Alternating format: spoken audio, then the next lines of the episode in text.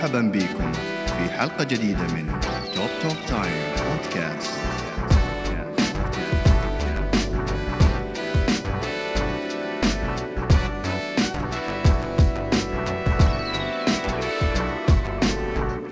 Three, two, one.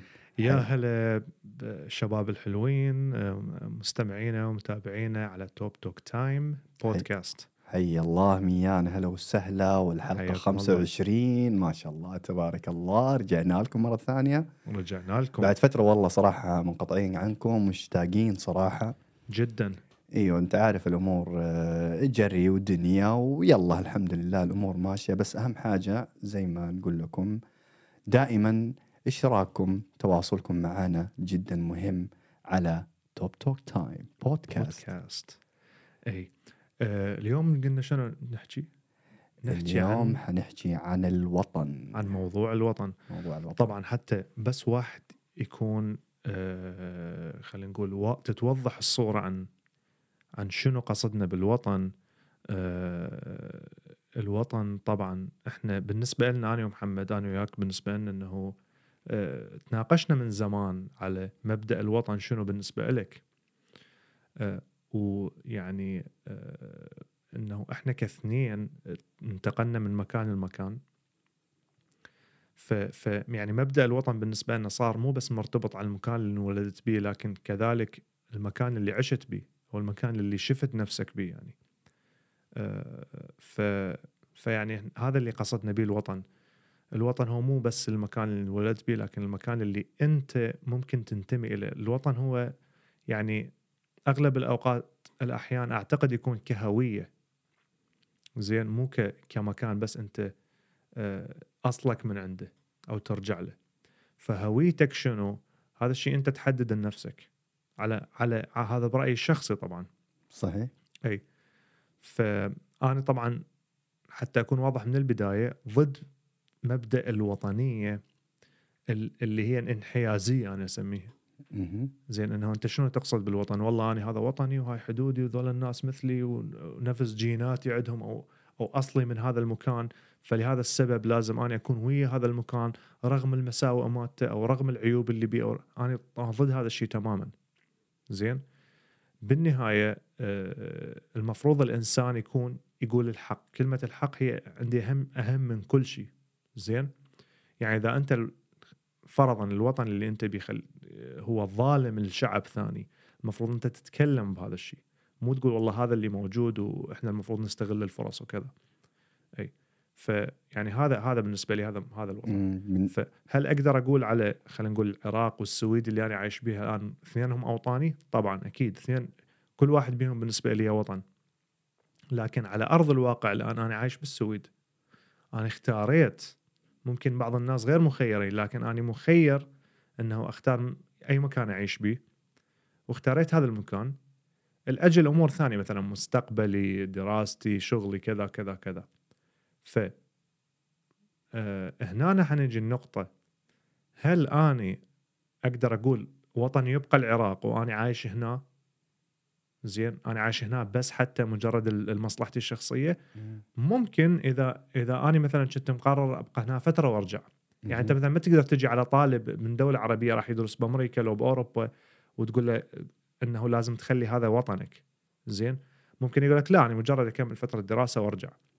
بس بالنسبة لنا إحنا متجنسين مستقرين هنا فلازم يكون بالنسبة لنا هذا هم يعني وطن نوعا ما. أنت شنو رأيك ما هو موضوع الوطن بالنسبة لي أي مكان في الأرضية مم. يحتويك.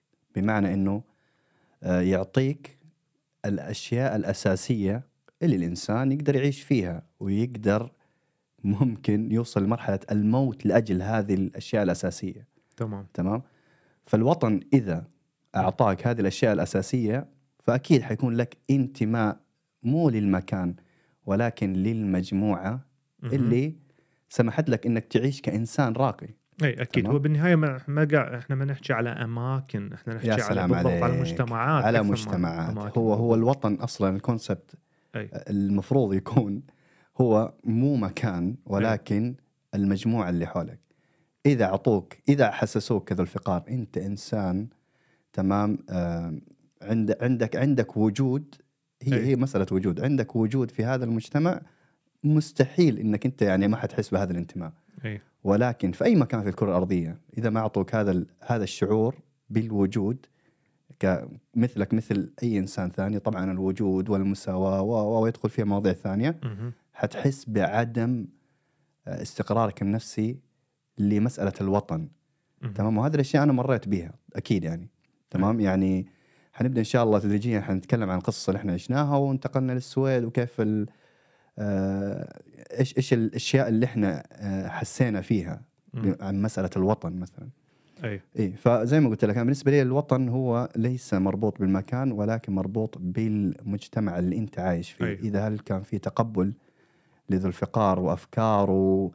وهذا الشيء شفناه يعني في, في, في السابق يعني تلقى مثلا آه، يعني مكان معين جامع المسيحيين والمسلمين واليهود وجامع الديانات والألوان والأعراق تمام؟ وحاسين بهذا المكان من دون من دون أي مسمى ومن دون أي علم إنه هذا موطنهم. أي. أي. فهذا هو تقريبا آه، ميولي الفكري لموضوع الوطن. أي. أه، وإحنا طبعا إحنا نشوف هواية ناس.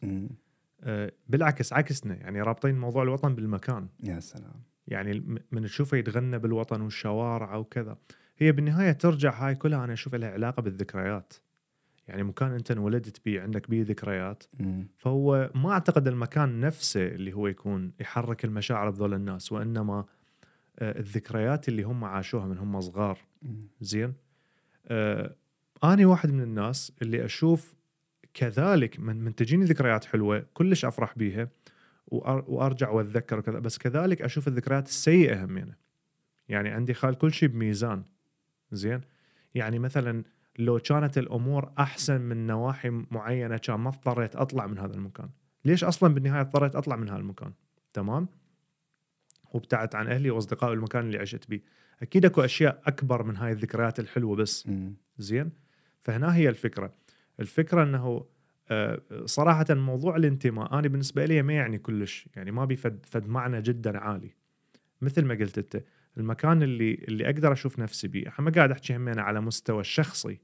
لأن هنا راح تعتبر انانيه إنه أنا بس دا أريد إلي إلي إلي وخلص لا بس أكو أمور معينة إنه أنت خلصت خلص يعني يعني أعرف بعض الناس يقول أحسن ما تطلع خب أبقى بمكانك وغير هي المشكلة إنه مو موضوع إنه أنت أنت تبقى تغير. المشكلة بموضوع إنه لما أنت المكان اللي أنت بيه مرت عليه آلاف السنين يمكن أو ما نقول آلاف حتى ما نبالغ مئات السنين هو هاي طبيعته. وهاي الطبيعة ما تتوالم وياك ويا شخصيتك أنت. فمو من المنطق أنه أنت تضيع حياتك لأجل التغيير أو لأجل ال- الأمل أنه هذا المكان حيتغير حتى يناسب يناسب شخصيتك. زين؟ وتخلي هذا العاتق على نفسك. والله لازم أني أشتغل أكثر وأحاول أغير أكثر. بالعكس هنا أنت وصلت بمرحلة أنه بعيد عن المنطق حتضيع حياتك. حتضيع فرص هواية يمكن ممكن تتطور بي. ممكن تساعد هذا المكان اللي انت تحبه أك أحسن لما انت تكون خارجه. زين؟ وأنا أعرف كذا ناس يعني إنه ناشطين سياسيين وكذا اضطر يطلع خارج الوطن حتى يقدر يتكلم براحته. وهذا الشيء نشوفه دائما موجود. وإنما إذا أنت تبقى آه، بداخل الوطن واحتمال كلامك يؤدي إلى قتلك مثلا أو إلى يؤدي إلى سجنك. زين؟ فأنت إيش حتنفع؟ ما ما راح تنفع. لا نفسك ولا راح تنفع أحد ثاني.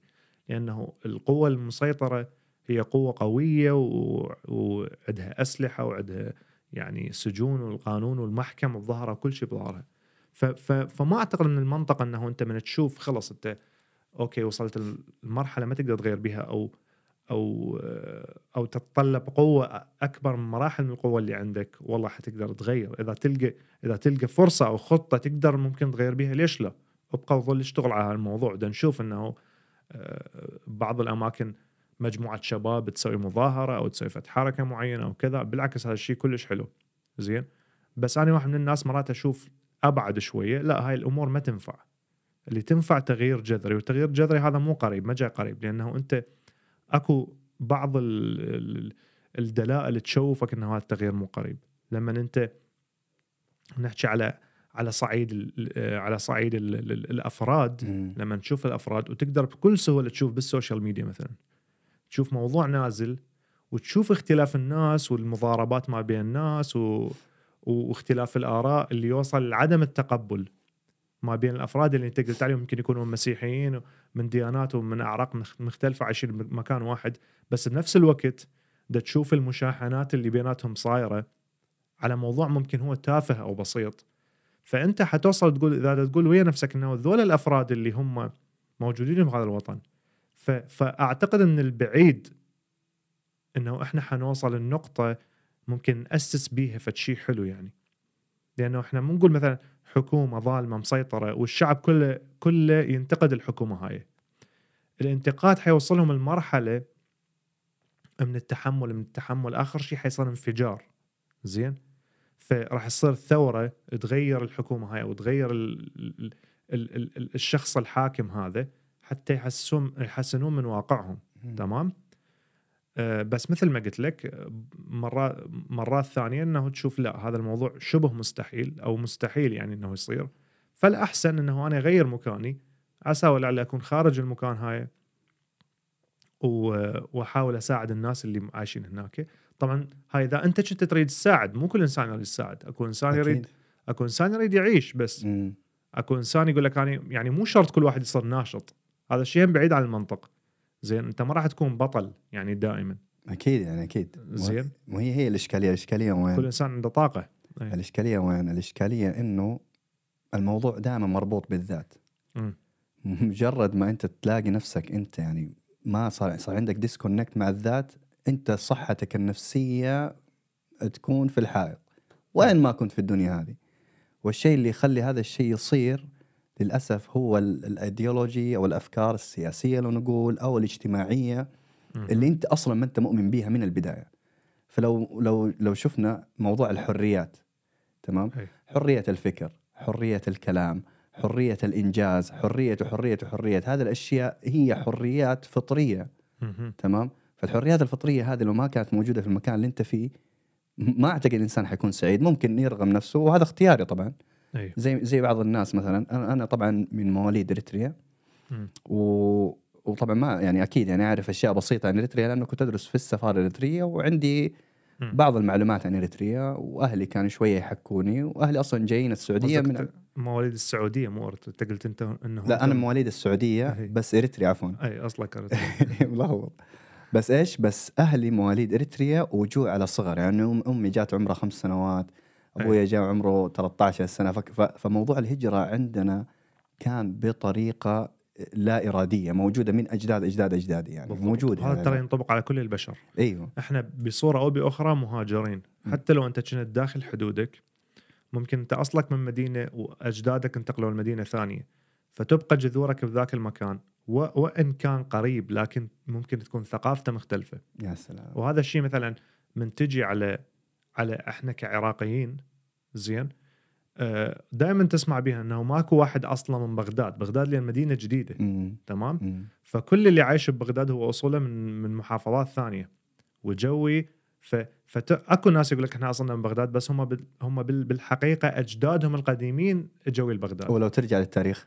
إي. ترجع التاريخ الأبعد لا هم مو من بغداد أصلا يعني. مم. فهذا الشيء فهي الموضوع قبل ترسيم الخرائط كانت الحدود مفتوحة يعني.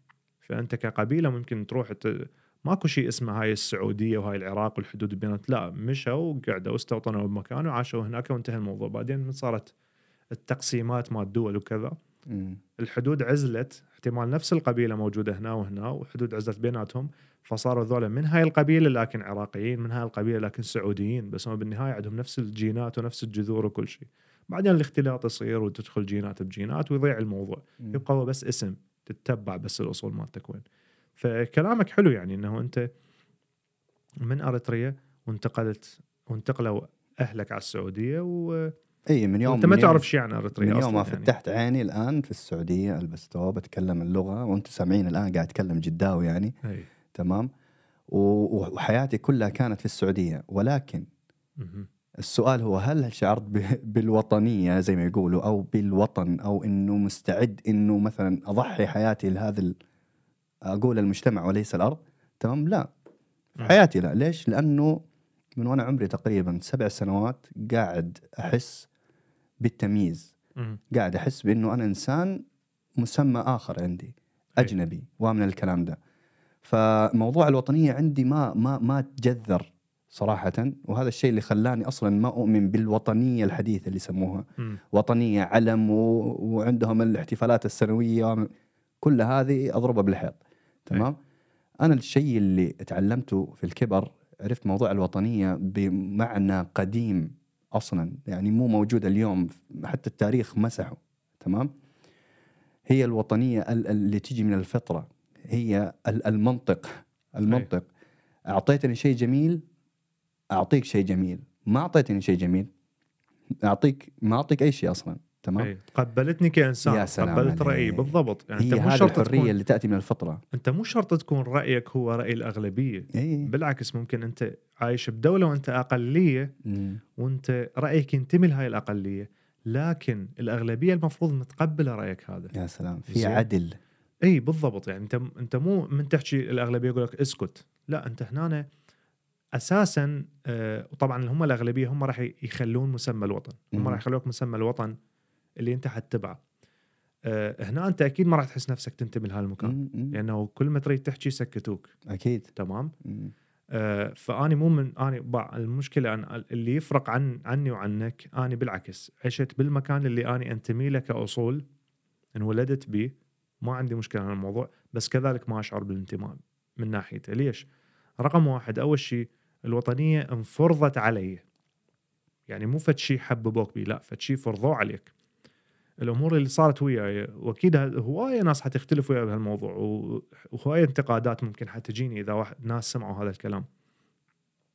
لما تروح كل يوم خميس لازم رفعة العلم لازم تقول فد فد عبارات إنه تدعم بها ال- ال- ال- القيادة العراقية صدام آه، عاش القائد صدام من هالكلام آه، وهذا فشي انت مجبر تسويه وموجوده عندنا كانت. تقوم وكذا. آه، رفعه العلم. ما أعرف شنو. توصل مرحلة حتى يزرعون بيك الوطنية.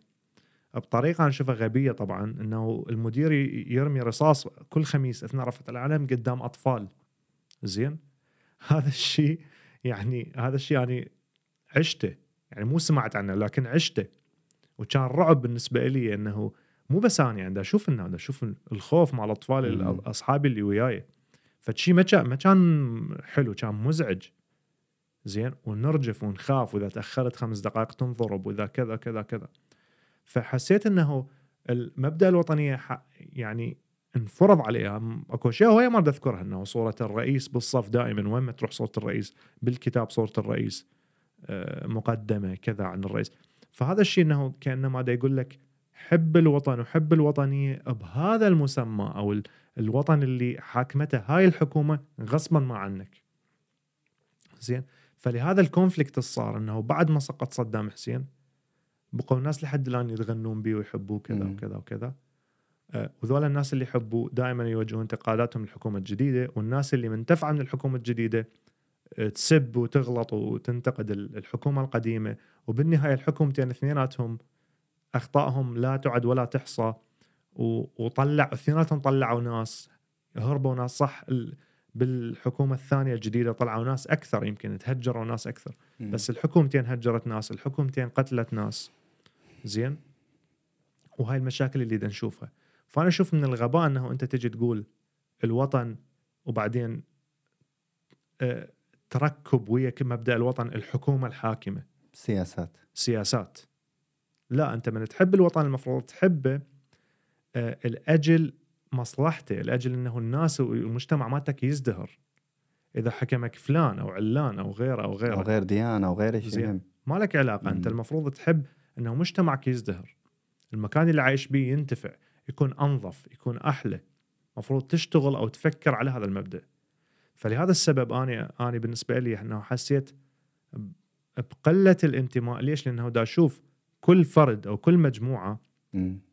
ما أقدر أنطيك نسبة بس بس حسب اللي شفته نسبة توصل إلى التسعينات بالمية إنه أغلب الناس رابطين مبدأ الوطنية بالحكومة الحاكمة أو منو عاجبهم أكثر من الحكام ناس تتغنى بالملكية العراقية السابقة ناس تتغنى بعبد الكريم قاسم بأحمد حسن البكر مع العلم هم نسوا إنه ذولا جايين كموظفين المفروض يؤدي وظيفته مم. ويطلع مو يظل ماسك بالحكم سنين لا تعد ولا تحصى ويورث الاجيال الاجيال ال- الاولاد واولاد أولاده.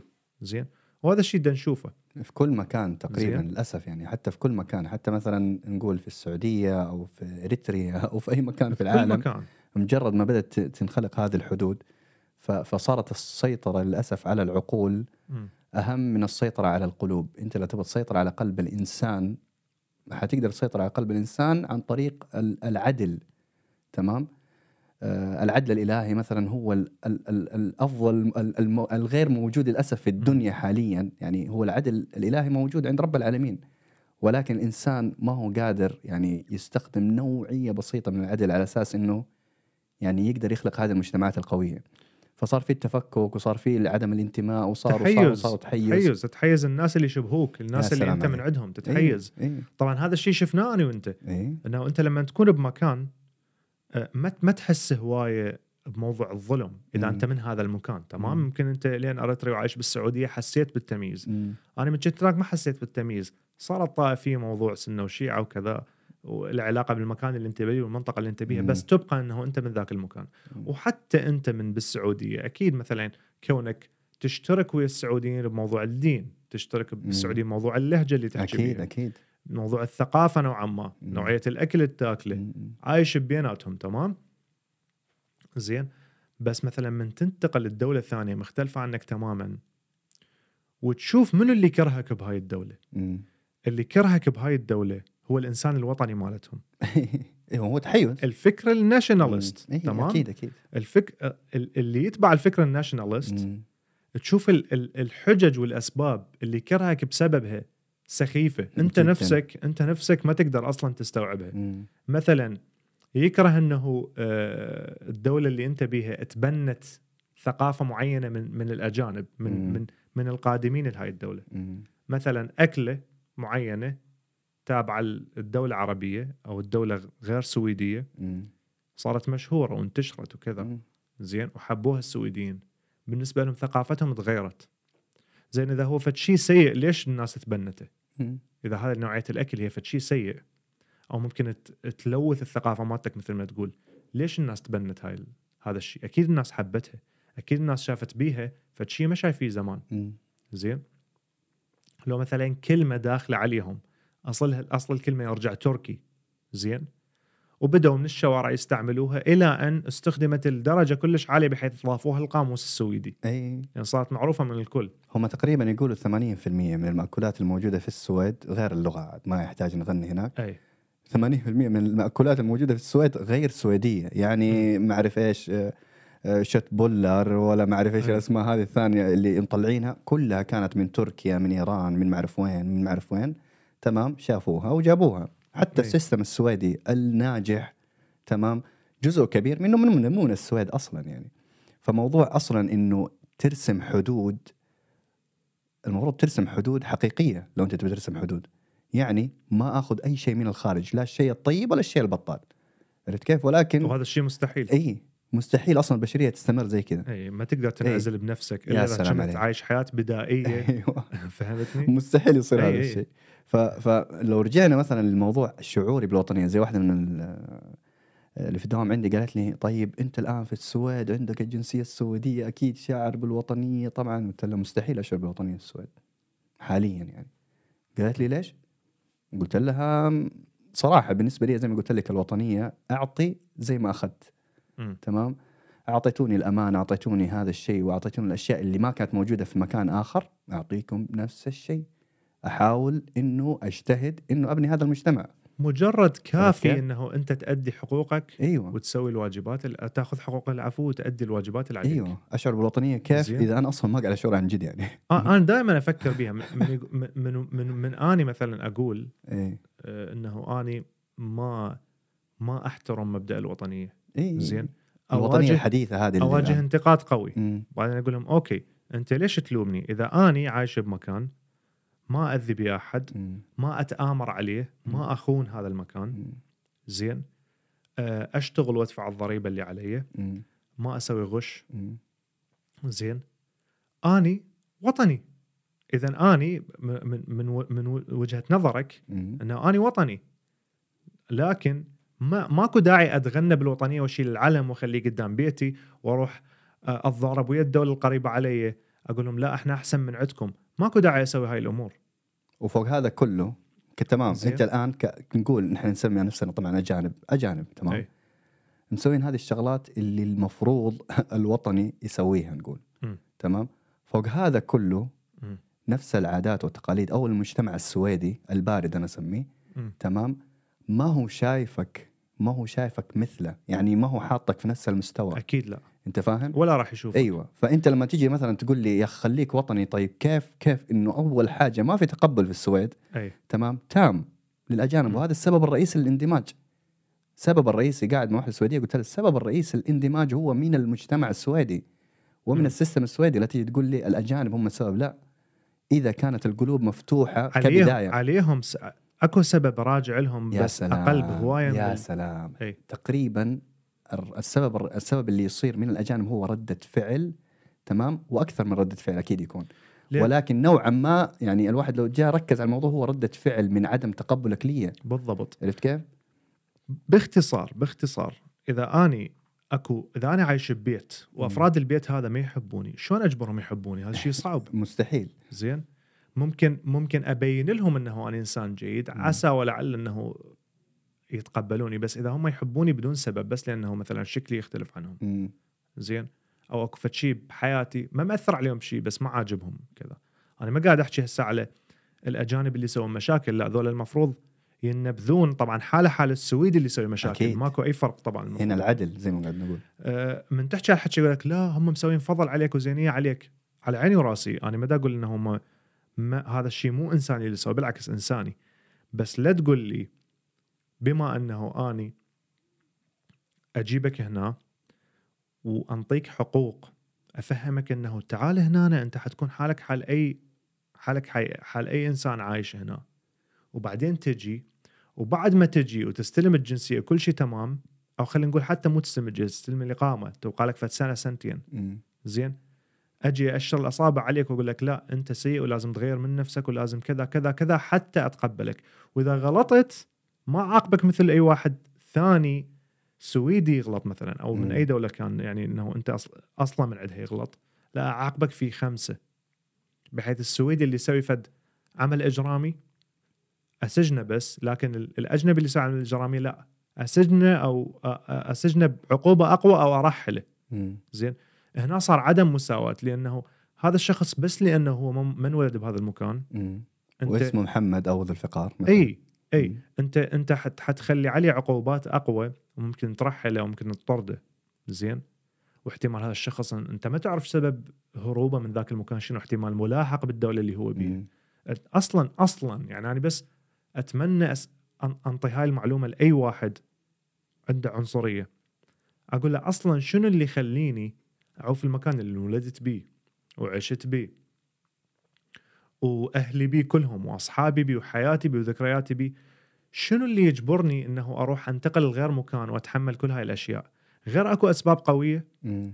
لا أنتم جايين حتى تنتفعون ماديا لو هذا الكلام صح لو هذا الكلام صح كان شفنا أعداد بالآلاف ورا ما يسوي له حياته وفلوس أو إيه. يشتري أو يجمع إيه. المبلغ يطلع إيه. هذا الشيء ما قاعد نشوفه إيه. لأنه صراحة قاعد يبدأ حاليا بسبب هذه المشكلة بسبب الضغط بس هم مو. بالأعداد اللي أنت لا لا مو بالأعداد تسمع بيها يعني. كلامك جدا جميل مم. أنت قاعد تتكلم عن عن عن عن الكريمنا- الكريمناليتيات مثلا نقول مثلا أي. تمام لو تكلمنا عن أشياء بسيطة التقبل بس التقبل في أي مكان في الشغل في في أي مكان على أساس إنه طبعا إنه ما التقبل. هو هو أقل انواع أنواع ال tolerance أنواع يسموه. ال- إي- إي، ال tolerance هو أقل أنواع مثل ما سمعنا إحنا إيه، شنو قال؟ آه، يعني يعتبر هو شيء سلبي مو إيوه. يعني يعني يعني مثلا زي ما شرح هو هذا الدكتور قال "أمم، okay يعني أتقبلك تعال عيش اشتغل يلا تعال شو اسمه الدكتور تعرف اسمه؟ والله نسيت اسمه والله عنده محاضرات جديد دكتور أمريكي, أمريكي.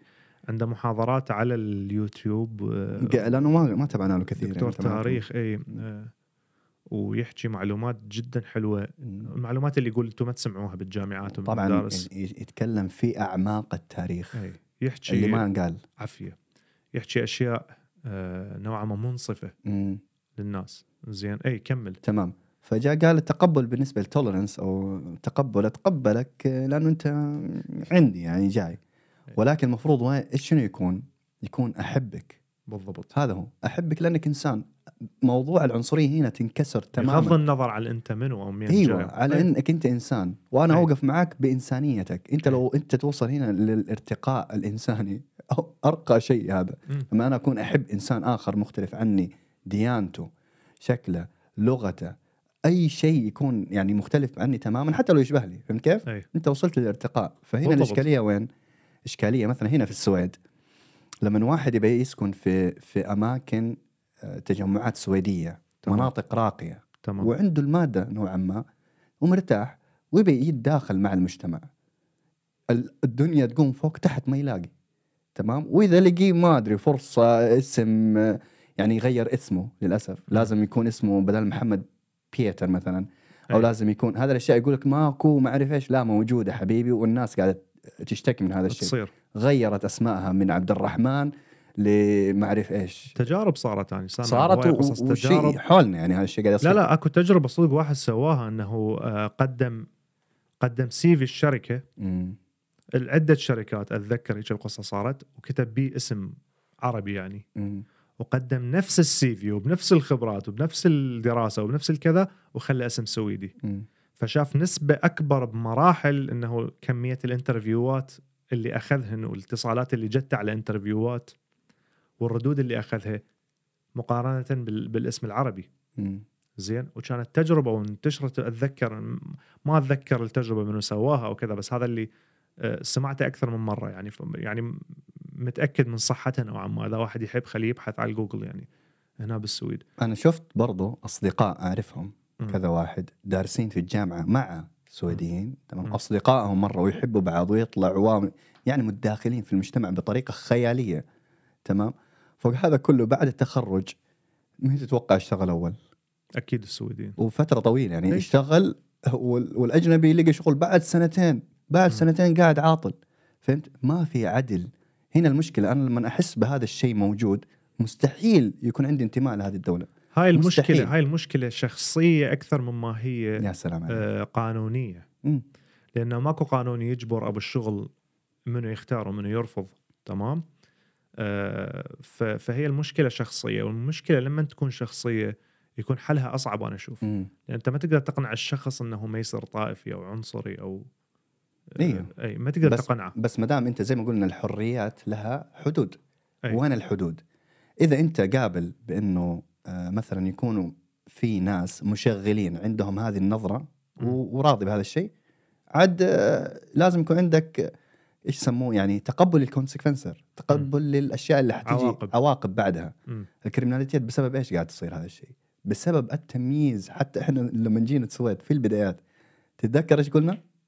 أول ما جينا السويد قلنا أوه السويد تعطي حقوق الإنسان وزينة وطيبة. ما أعرف ليش مثلا ال- الأجانب اللي موال- مواليد هنا كارهين السويد. يعني يعني ليش ما هم حاسين؟ يعني لغتهم حلوة واصحابهم سويديين. شتاني شتاني أباوع على الشخص اللي هو مولود بالسويد وهو طبعا مو سويدي. واشوف اللغة اللي عنده. مم. واني اللي تعلمت اللغة صار ثلاث سنوات وحوصل ال ال الج... ال مثلا القسم أنا أحلم بيه كنت. مم. أنا أحلم أفوت له بالعراق تمام؟ أه، هندسة كمبيوتر بأحسن جامعات السويد. قلت وين نفسي لو كنت اني بمكان هذا اللي هو أصلا اللغة عنده ثابتة مترسخة أقوى حتى من لغة الأم اللي مم. اللي هو أصلا من عندها يعني. أه ليش ما قدر يوصل ليش ما ما, ما خلى نفسه بهالمكان؟ ليش بقى بالشوارع وصار مجرم وكذا؟ زين. بعدين شفت ذول إنه بعد فترة إنه حتشوف ذولا تشبعوا بالأمور السلبية. طبعا هذا الشيء هم غلط. يعني إنه كنقاش المفروض دائما الإنسان يحاول يحسن من واقعه. مم. بس أنا ما أحكي عن الموضوع بدي أحكي على مرحلة اليأس اللي ممكن مم. الإنسان يوصل بيها. يا سلام عليك. ممكن أنت جديد ما شايف كل شيء. شفت بعينك خاصة إذا أنت جاي من مكان جدا تعيس. شفت بعينك فقط الأمور الإيجابية وكبرت بعينك وحلت. بس بعد فترة من تعيش وتشتغل وتكون جزء من هذا المجتمع.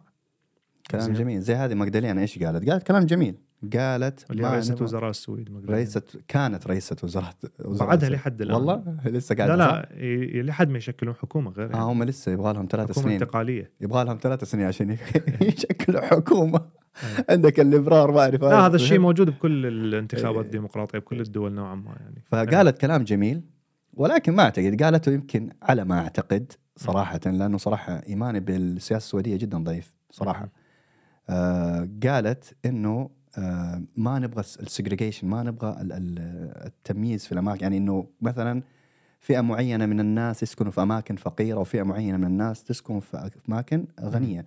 نبغى الأجانب والسعوديين يتجانسوا خاصة في أماكن السكن. عشان يبدأ شوية الانفتاح والحوار. كلام جميل كلام بس جميل. طبقوه في الواقع وروني كيف تطبقوه. المشكلة وين؟ المشكلة حتى لو طبقتها بالواقع شلون حتطبق أنت؟ رقم واحد. رقم اثنين كلش غلط إنه أنت تجي آه، تعالج الأعراض وما ترجع على المشكلة الرئيسية تمام؟ يعني أنت آه، تجي تسمح للقنوات والمحطات الإعلامية زين إنه تستخدم موضوع ال- العنصرية لأجل إنه مشاهداتهم ترتفع أرباحهم تزيد وكذلك إنه يكونون ممولين من أحزاب معينة حتى يحجون بأشياء. يزيدون يزيدون من فرصة هاي هاي الأحزاب بالفوز مثلا بالانتخابات أنت قاعد تسمح لهم يسوون هذا الشيء. زين. تسمح لهم بنشر الأخبار الكاذبة. تسمح لهم بالتسقيط مال الجهات الأخرى. وترجع بعدين شو تقول؟ خلينا نحل المشكلة آه نخلي المهاجرين مثلا عايشين بمناطق راقية. زين. بمناطق العفو يعني السويدية إنه أرقى من المناطق ال- ال- اللي هي الفقيرة اللي صار بها التجمعات والعصابات نوزعهم على المناطق كلها زين حتى نحل المشكلة هاي مو حل المشكلة أنت جاي تحل الاعراض مم. أعراض المشكلة الرئيسية إنه أنت إنه صار عندك آه، إجرام مجاميع إجرامية شنو الأسباب؟ الأسباب لأنه هم ساكنين بمنطقة رخيصة، ليش ساكنين بمنطقة رخيصة مثلا؟ لأنه وضعهم المادي أتعب. شنو سوى الوضع المادي أتعب؟ لأنه صعب يلقون شغل. شنو خلى الصعوبة إنه يلقون شغل؟ ترجع ترجع ترجع مشكلة بعد مشكلة حتوصل بعدين حتشوف مثلا الإعلام هو السبب الرئيسي فرضا أنا دا اقولها كفكرة حاعطيك قصة. بعد ما نكمل كمل ف... فأنت الإعلام إيش قاعد يسوي؟ مم. الإعلام مثلا قاعد يستعمل خبر إنه okay أكو اجرام يصير بكل مكان بكل المناطق حتى المناطق السويدية مم. أكو مجرمين سويديين أكو مجرمين نصابين سويديين تلقى لابس بدلة ومرتب شعره وحلو نظارات طبية بس هو مثلا يستغل ال- ال- الضرائب 200 ممكن ينمسك وينسجن بس ما حد يسمع عنه شيء يا تمام؟ سلام. زين. بيك اند تيك فأنت تجي على واحد صغير آه، عصابة صغيرة ما حد ما سامع بيها مخدرات أمور بسيطة تمام؟ لزموهم خليتهم بالصفحة الأولى بالجريدة وشفت وهذا وض- وضع السويد وإحنا كنا بالسبعينات عايشين حياة حلوة وماكو أمور وما تمام؟ زين مع العلم أنت عايش هنا بمنطقة وتسمع خبر وترس الجرايد تقول أنا مو عايش بهالمنطقه شو ما سمعت شيء. مو صحيح؟ والله عن جد. إي وين الإجرام؟ شو ما دا أشوفه؟ إيه فأنا قصدي يعني أنا أكذب أنا أنا أنا أكون صريح وياك. أنا صار لي عايش بالسويد. راح أصير 10 سنوات تسع سنوات. زين. ودائما أسمع أطلاق نار بس بحياتي ما سمعت أطلاق نار. إيه بذاني. أنا صراحة من يوم ما عشت هنا يمكن مرة واحدة سمعت. إي والفترة هذه اللي كانت جدا جدا يعني ضايعة بيد بيد العصابات لا لا اللي اللي تقول اللي يقولوا عنها عندنا حرب. أنت أنت بالنسبة لك أنت يعني عشت فترة الحرب يعني تسمع صوت الرصاص زي دقات الساعة زي دقات الثواني اللي في الساعة أصلا شيء غريب؟ ذاك جتي جاي يوم ما سمع عن انفجار أو أطلاق فهمت يعني، كيف؟ إطلاق أيوه. شيء مستمر هنا تسمع الطلقة كأنه تقول طراطيع أنا ما. سمعت صراحة يمكن أنت سمعت أنا ما سمعت. ومو احتمال كبير ما يكون بس اللهم إنه الصوت اللي جاء كان من المش... من مكان المشكلة يعني. المشكلة وبعدين أنت سمعت إنه صارت أيوة. مشكلة هناك. أي ممكن. وأغلب أصحابي مرات يكونوا ساكنين في مناطق قريبة فيقول لي والله صارت في مشكلة يرسل لي سناب شات و... فأجي أربط إنه الصوت هذا شكله كان من هناك فهمت؟ أي. أنا أنا أنا مو قصدي هالأمور ما تصير أنا قصدي إنه التهويل الإعلامي اللي يصير. بسبب هذا أنا الشيء. قبل قاعد أقول لك إنه مرة واحدة من العشر تسع سنوات هذه. أي. فالقصة هذه اللي بكمل لك إياها عفوا. آه، جات جاء يوم أنا وصح صاحباتي اثنين سعوديات قاعدين قاعدين نتفرج على برنامج على أساس إنه واحد رابر جروب رابر. طالعين بأسلحة وما أعرف إيش وسيارة بيض ومن الكلام ده. أكيد يعني تكونوا تابعتوه هذا البرنامج ما أعرف اسمه ما أعرف اسم البرنامج ولا أعرف لأنه صراحة شفت الموضوع كله ما يحتاج إنه أركز فيه. أي. فقاعد أنا قاعد أشتغل على الشغل معين بالجوال زي كذا وأتابع معاهم شوية أتابع معاهم قاعد شايف هي يعني هذا هذا هذا إنسان غبي يطلع السلاح في أي. التلفزيون والسيارة وبعدها بكم شهر هو قاتل له بنية عمرها 13 14 سنة اي تمام جايبين مقطع إنه قاعد يطلق ما أعرف ليش قاعد يطلق ما- ماني فاهم القصة كلها قلت له أيوة. طيب دقيقة أصبر أصبر أنت قلت له هي من الأساس مم. ليش سمحتوا لهذا البني آدم وهذا ال group إنهم يطلعوا في الشاشة. بدون عواقب. لا يطلعوا في الشاشة وداعمينهم شركات. إيه. تمام؟ إنهم ينزلوا يو يو يعني آه، فيديو يعني تصوير حلو يعني تصوير أكيد يعني أكيد شركة ممكن. أكو إنتاج ورا إنتاج الموضوع ورا يعني. الموضوع. أيوه وشيء شيء حلو وأغاني أي. واستوديو. okay يعني الواحد ممكن يطلع. ليش ما وقفتوا هذا الإنتاج من البداية أصلا؟ تدوروا عليهم أنا لو أنا لو بالضبط حكومه ع- عواقب اكو إي. أدور عليهم أطلعهم واحد. واحد أشكالهم موجودة واحد. واحد أنتوا ليش راح؟ يدخل لك الحرية ودخل لك. العفو إي صح؟ إي إي يطلع لك ال ال ال يعني يقول لك القانون والكذا وما تقدر تعاقب أي واحد بدون بدون دليل أتحمل زين هذا اللي حيصير مم. هذا اللي حيصير أه مو يعني إنه أنا أشجع يسوون هذا الشيء لأن احتمال. اكو جهات حتستغل يقول لك بما إنه أنا أقدر أوقف أي واحد طلع بفيديو ف... ف... فالموضوع احتمال راح يميل الموضوع يعني جهة العنصرية مم. الفقرة وين مثل ما قلت لك أني ال... أنا أشوف المشكلة الرئيسية إنه أنت من تسمح للإعلام إنه يستعمل أمور يغذي بها ال... ال... ال... ال... العنصرية هذه. حتى. حتى حتى يكسب مشاهدات كيف يبدأ؟ يبدأ بسماح حدوث الشيء وبعد كذا أي مثلا تكفيره أو تغليطه أو محاربته أي دائما زي بالبداية. مثلا حتى تم حتى تمنع المفروض تسوي قانون أي يمنع إنه حد يطلع سلاح بفيديو مم. أنت هنا ما ما اضطريت إنه تنتظر من ينزل فيديو بسلاح حتى تروح تعتقله مثلا مم. لا أنت أصلا عندك قانون يمنع أي سلاح يطلع بفيديو مم. تمام مم. آه إلا إذا كان مثلا خلينا نقول يأخذ موافقة من الحكومة مم. تسوي فد تسوي فد فد, فد, فد لجنة تنطي موافقات أنا أقدم هذا ترى مو سلاح حقيقي وبلاستيك وكذا وأنا أريد أطلعه أريد أصور فيلم زين عادي لأنه الأفلام حتى يطلع بها أسلحة وكذا ف آه، وطبعا يصير يصير كذلك مثل ما يقولون full exposure إنه هذا الشيء اللي قاعد نسويه تمثيل.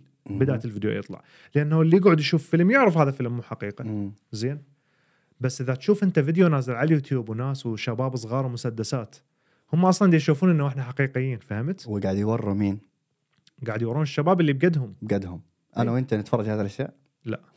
مستحيل أنا أشوف مع العلم مالي من محبين الراب هم إيه. محبين ال gangster rap بس صراحة آه، الراب حتى الراب يعني موضوع الراب ينقسم إلى قسمين ال underground وال mainstream تمام؟ ال mainstream إنه اللي هو تنتجه شركات كبار. من تشوف أغنية 50 سنت لو سنوب دوغ مبين الموضوع تمثيل واخراج وكل شيء وأنت أصلا ما راح ت... ما راح تصدق إنه هو عصابة حقيقية. يعني مجرد هو يمثل يعني لأنه إذا هو غني ليش دا يضطر يبيع مخدرات بالشوارع يعني مبين. الموضوع هو غني وممثل ومشهور بس من تشوف راب مقطع rap underground زين مصوريه بكاميرا عادية بمكان مبين يعني ما بي إنتاج ما بي إخراج قوي زين. ما راح تعرف ما راح تقدر تميز هل هذا الشيء حقيقي أم كذب زين. آه، من تشوف لا أكو عصابة بالحقيقة يلبسون هذا اللبس أو عايشين بهاي المكان وهم مصورين بهذا المكان. ف- فالشيء أكيد راح يكون إنه هذا الفيديو حقيقي تمام؟ هاي الفيديوهات اللي اللي حتنشر حت اللي حتسوي عندك خوف إنه أنت تروح بهذا المكان أو حتصدق إنه المجتمع مليان بالعصابات. المشكلة وين؟ يا. ريت يا ريت لو كان بس على أساس أصدق في ضحايا حرام شيء والله يبكي يعني شيء يعني أنت فاهم بنت عمرها 13 سنة 14 سنة تكون ضحية system فاشل مم. تمام وبعدين ال system الفاشل هذا يا ريت لو يقول أنا غلطان يجي يقول لك لا هذيل ال individuals أي. الاثنين الثلاثة الأربعة حنطلع منهم مين الغلطان. طيب وين حق البنية؟ وين راح. فهمت؟ يعني يعني الشيء ترى أكبر من من الكلام اللي إحنا قاعد نقوله الشيء أعمق. عقوباتهم تافهة. إيوه عقوبة يعني أنت تسوي لك تسوي فد عملية إجرامية وتقتل لك شخص أو اثنين وتروح سجن خمس سنوات أو عشر سنوات تطلع ترى هذا الشيء ما يدخل العقل. يعني على عيني وراسي يعني ويا الإنسانية ويا تهيئ الشخص المجرم وكذا. بس شخص حرام شخص ثاني من حياته تخليه يطلع يمشي طبيعي ويروح ويشتغل وأموره تمام ورا المشكلة عشر ما تنتهي. سنوات المشكلة ما. انت حليت زي ما قلت الأعراض مشكلة ما تنحل إي انت لا أنت عشر سنوات أوكي انت أنت أخذت حريته لمدة عشر سنوات هل أكو عدل؟ حتى لو مره مرة واحد قال لي إيه أهل المقتول سامحوا هذا، أقول لهم هل المقتول سامحه؟ المقتول عادي قبل انه إنه هذا يطلع يمشي بعد عشر سنوات؟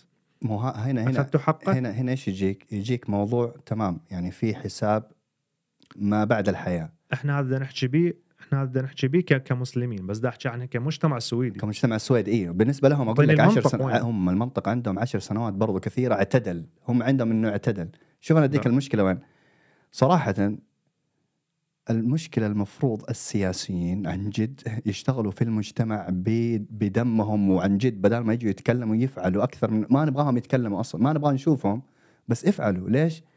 لأنه إذا إحنا تكلمنا عن المادة م. أنا إنسان قاعد أدفع 33 وانت قاعد تدفع 33 قاعد ندفع أكثر من 33 تمام في المية هذه الضريبه تمام الشاب الإنسان اللي يروح المدرسة مم. يروح مثلا الثانوية والأشياء هذه كم تقريبا الحكومة تدفع له نقول مية ألف مم. تمام ليه لأنه هو إنسان قاعد يروح لشيء كولكتيف. حلو دافعين من السكات بنينا هذه الأشياء وانتهى الموضوع لما يروح الكريمنال فورد أنت عارف نفس الشخص هذا بنفس العمر تعرف كم يكلف الاستات سمعت إنه مبالغ مليون. هائلة. مبالغ نقول هائلة. مل... نقول أقل شيء مليون كورونا مم. تمام في السنة فتخيل يعني المليون هذه كانوا بنوا مدارس وكانوا حطوا له إنسان في ظهره كده. بالمليون هذه. تمام يرجعوا مستقيم. الأجل شنو؟ يعني آه، أنا ما قاعد أفهم إنه أنا آه، إنه إنه مجرم سوى عمل إجرامي. الأجل شنو أخليه في فندق خمس نجوم؟ يعني ما أفهم. اي الأجل شنو؟ يجيك واحد أوكي أنا راح أكون إحتمال إنسان نوعا ما آه، هذا الكلام يعني خلينا نقول هو ما يعتبر نوعا ما منطقي آه، من نواحي معينة بس خلينا نجي على واحد أجنبي. مش ما دا احكي على جانب كلهم بصورة عامة لأن أنا واحد من عندهم. أنا احكي على شخصية أجنبي اجى من دول دولة جدا تعيسة والوضع اللي كان عايش فيه جدا تعيس وصل للسويد. إذا ما دا يحكون على إجرام. سوى له عمل إجرامي نفس اللي يسويه بالبلد مالته. أشيله أخليه بمكان لو هو كان هناك باقي يحلم يقعد بهيج مكان هو سجن هنا بالسويد. بس جنة بالنسبة لحياته القديمة. تمام. مع العلم أكثر أغلب الإجرام اللي يصير هو هو ما يصير من القادمين الجدد هو يصير من من الأجانب. اللي موجود. مولودين بالسويد. وهنا لازم هم نسأل سؤال إنه ليش دول قاعد يسوون واللي جايين صار لهم مثلا عشر سنوات أو أو أقل ما قاعد يسوون هاي المشاكل. لازم هم نسأل هاي الأسئلة زين بس خلينا نقول شخص جاي من مكان جديد وسوى إجرام وكذا وخليته بسجن خمس نجوم. أحلى من من البيت اللي أو الشقة اللي كان عايش بيها ببلده القديم. راح يهتم حتطلعه مو عادي يرجع يسوي جريمة مرة ثانية. ما راح يهتم. فأنت من أسست هاي السجون ممكن أسستها للسويدي اللي عايش بالمجتمع السويدي اللي مولود بالسويد. بالنسبة له أخذت حريته. سويت عليه نقطة ما يقدر يشتغل مستقبل ما يقدر بعد يط- يطور من نفسه ما يقدر يخش بالمجتمع تمام فالمفروض تغير القانون من بعد هاي. من صار من صارت من صارت هاي هاي الأمور من جو جوك ناس جديدين عايشين كانوا حياة مختلفة المفروض القانون يتغير على الكل كذاك يعني مو على دول أكيد. الناس بس لا, لا, على الكل على الكل القانون يتغير مو أنت الآن لما تيجي ترجع للوطنية أنت دمرت الكونسبت حق الوطنية. وخلقت هذه هذه ال- ال- ال- المجتمعات الصغيرة في في المجتمع الكبير. مم. تمام؟ والمجتمعات الصغيرة صارت تخلق مجتمعات أصغر في مجتمعاتهم. يعني مثلا أجانب بينهم تلقاه واحد مايل على ولد بلده الحقيقي اللي هناك. هذه المجتمعات الصغيرة مثلا الفلسطيني مع الفلسطيني اللبناني مع اللبناني من الكلام ده شوية المجتمع يكبر العرب مع بعض. شوية المجتمع يكبر تلقى البلكان بلكان وما أعرف إيش مع بعض ولا فارقه ولا والكذا. وحتى. وصلوا إنهم يبنوا مساجد لمثلا مساجد ماسكينها أي. صوماليين مساجد ماسكينها بلكا مساجد ماسكينها عرب مساجد أنت فاهم يعني أنا قصدي إنه للأسف للأسف المشكلة الأساسية هي من ال system مو من الأجانب أنت ما أي. تقدر ترمي اللوم كله على لا لا على على. على بشر أكبر غلط وما أنا ما أقدر أرمي اللوم على السويديين كمان أنا قاعد أقول ال system زي زي مثلا في السعودية أنا مواليد السعودية. ما أقدر أرمي اللوم على على السعودي المواطن. الكفيل المواطن اللي عذب مثلا آه، ناس أعرفهم ويدفعهم بال7000 كل بعد كم شهر يدفعهم بالمال أنت تلوم القوانين اللي سهلت عليه هذا سهلت الشيء. عليه هذا الشيء. اي صحيح فهمت؟ صحيح. فهي هاي الإشكالية. الإشكالية إنه إحنا نغني هنا بس لازم الصحوة تكون تكون مو بس من من المجتمع إيه، يعني نفسه. تريد- تحل مشاكل الاجرام روح على الروس الكبار لأنه لما الروس الكبار يجيبون ال- الممنوعات ذول المجرمين الصغار نسمح لهم. إي الروس الكبار منو سهل. لهم؟ منو سهل الروس لهم؟ أكبر منا. وتصعد وتظل تصعد. تصعد تصعد توصل لل- okay. للصح قوي استخباراتك مم. الشرطة مالتك قوي الدفاع مالتك تمام؟ مم. هاي الأمور كلها المفروض تحلها من ال... من ال... مو تخلي الممنوعات توصل للمناطق الصغار وتجي أنت تهجم على. ال- المجرمين ذولا الصغار اللي هو اللي هو يبيع حتى ياكل مو مو شرط ياكل وعلى هنا أساس victory يعني. وفي التلفزيون إحنا سوينا وفعلنا اي راح يجون غيرهم هي الفقرة هاي الفقرة شو الفائدة؟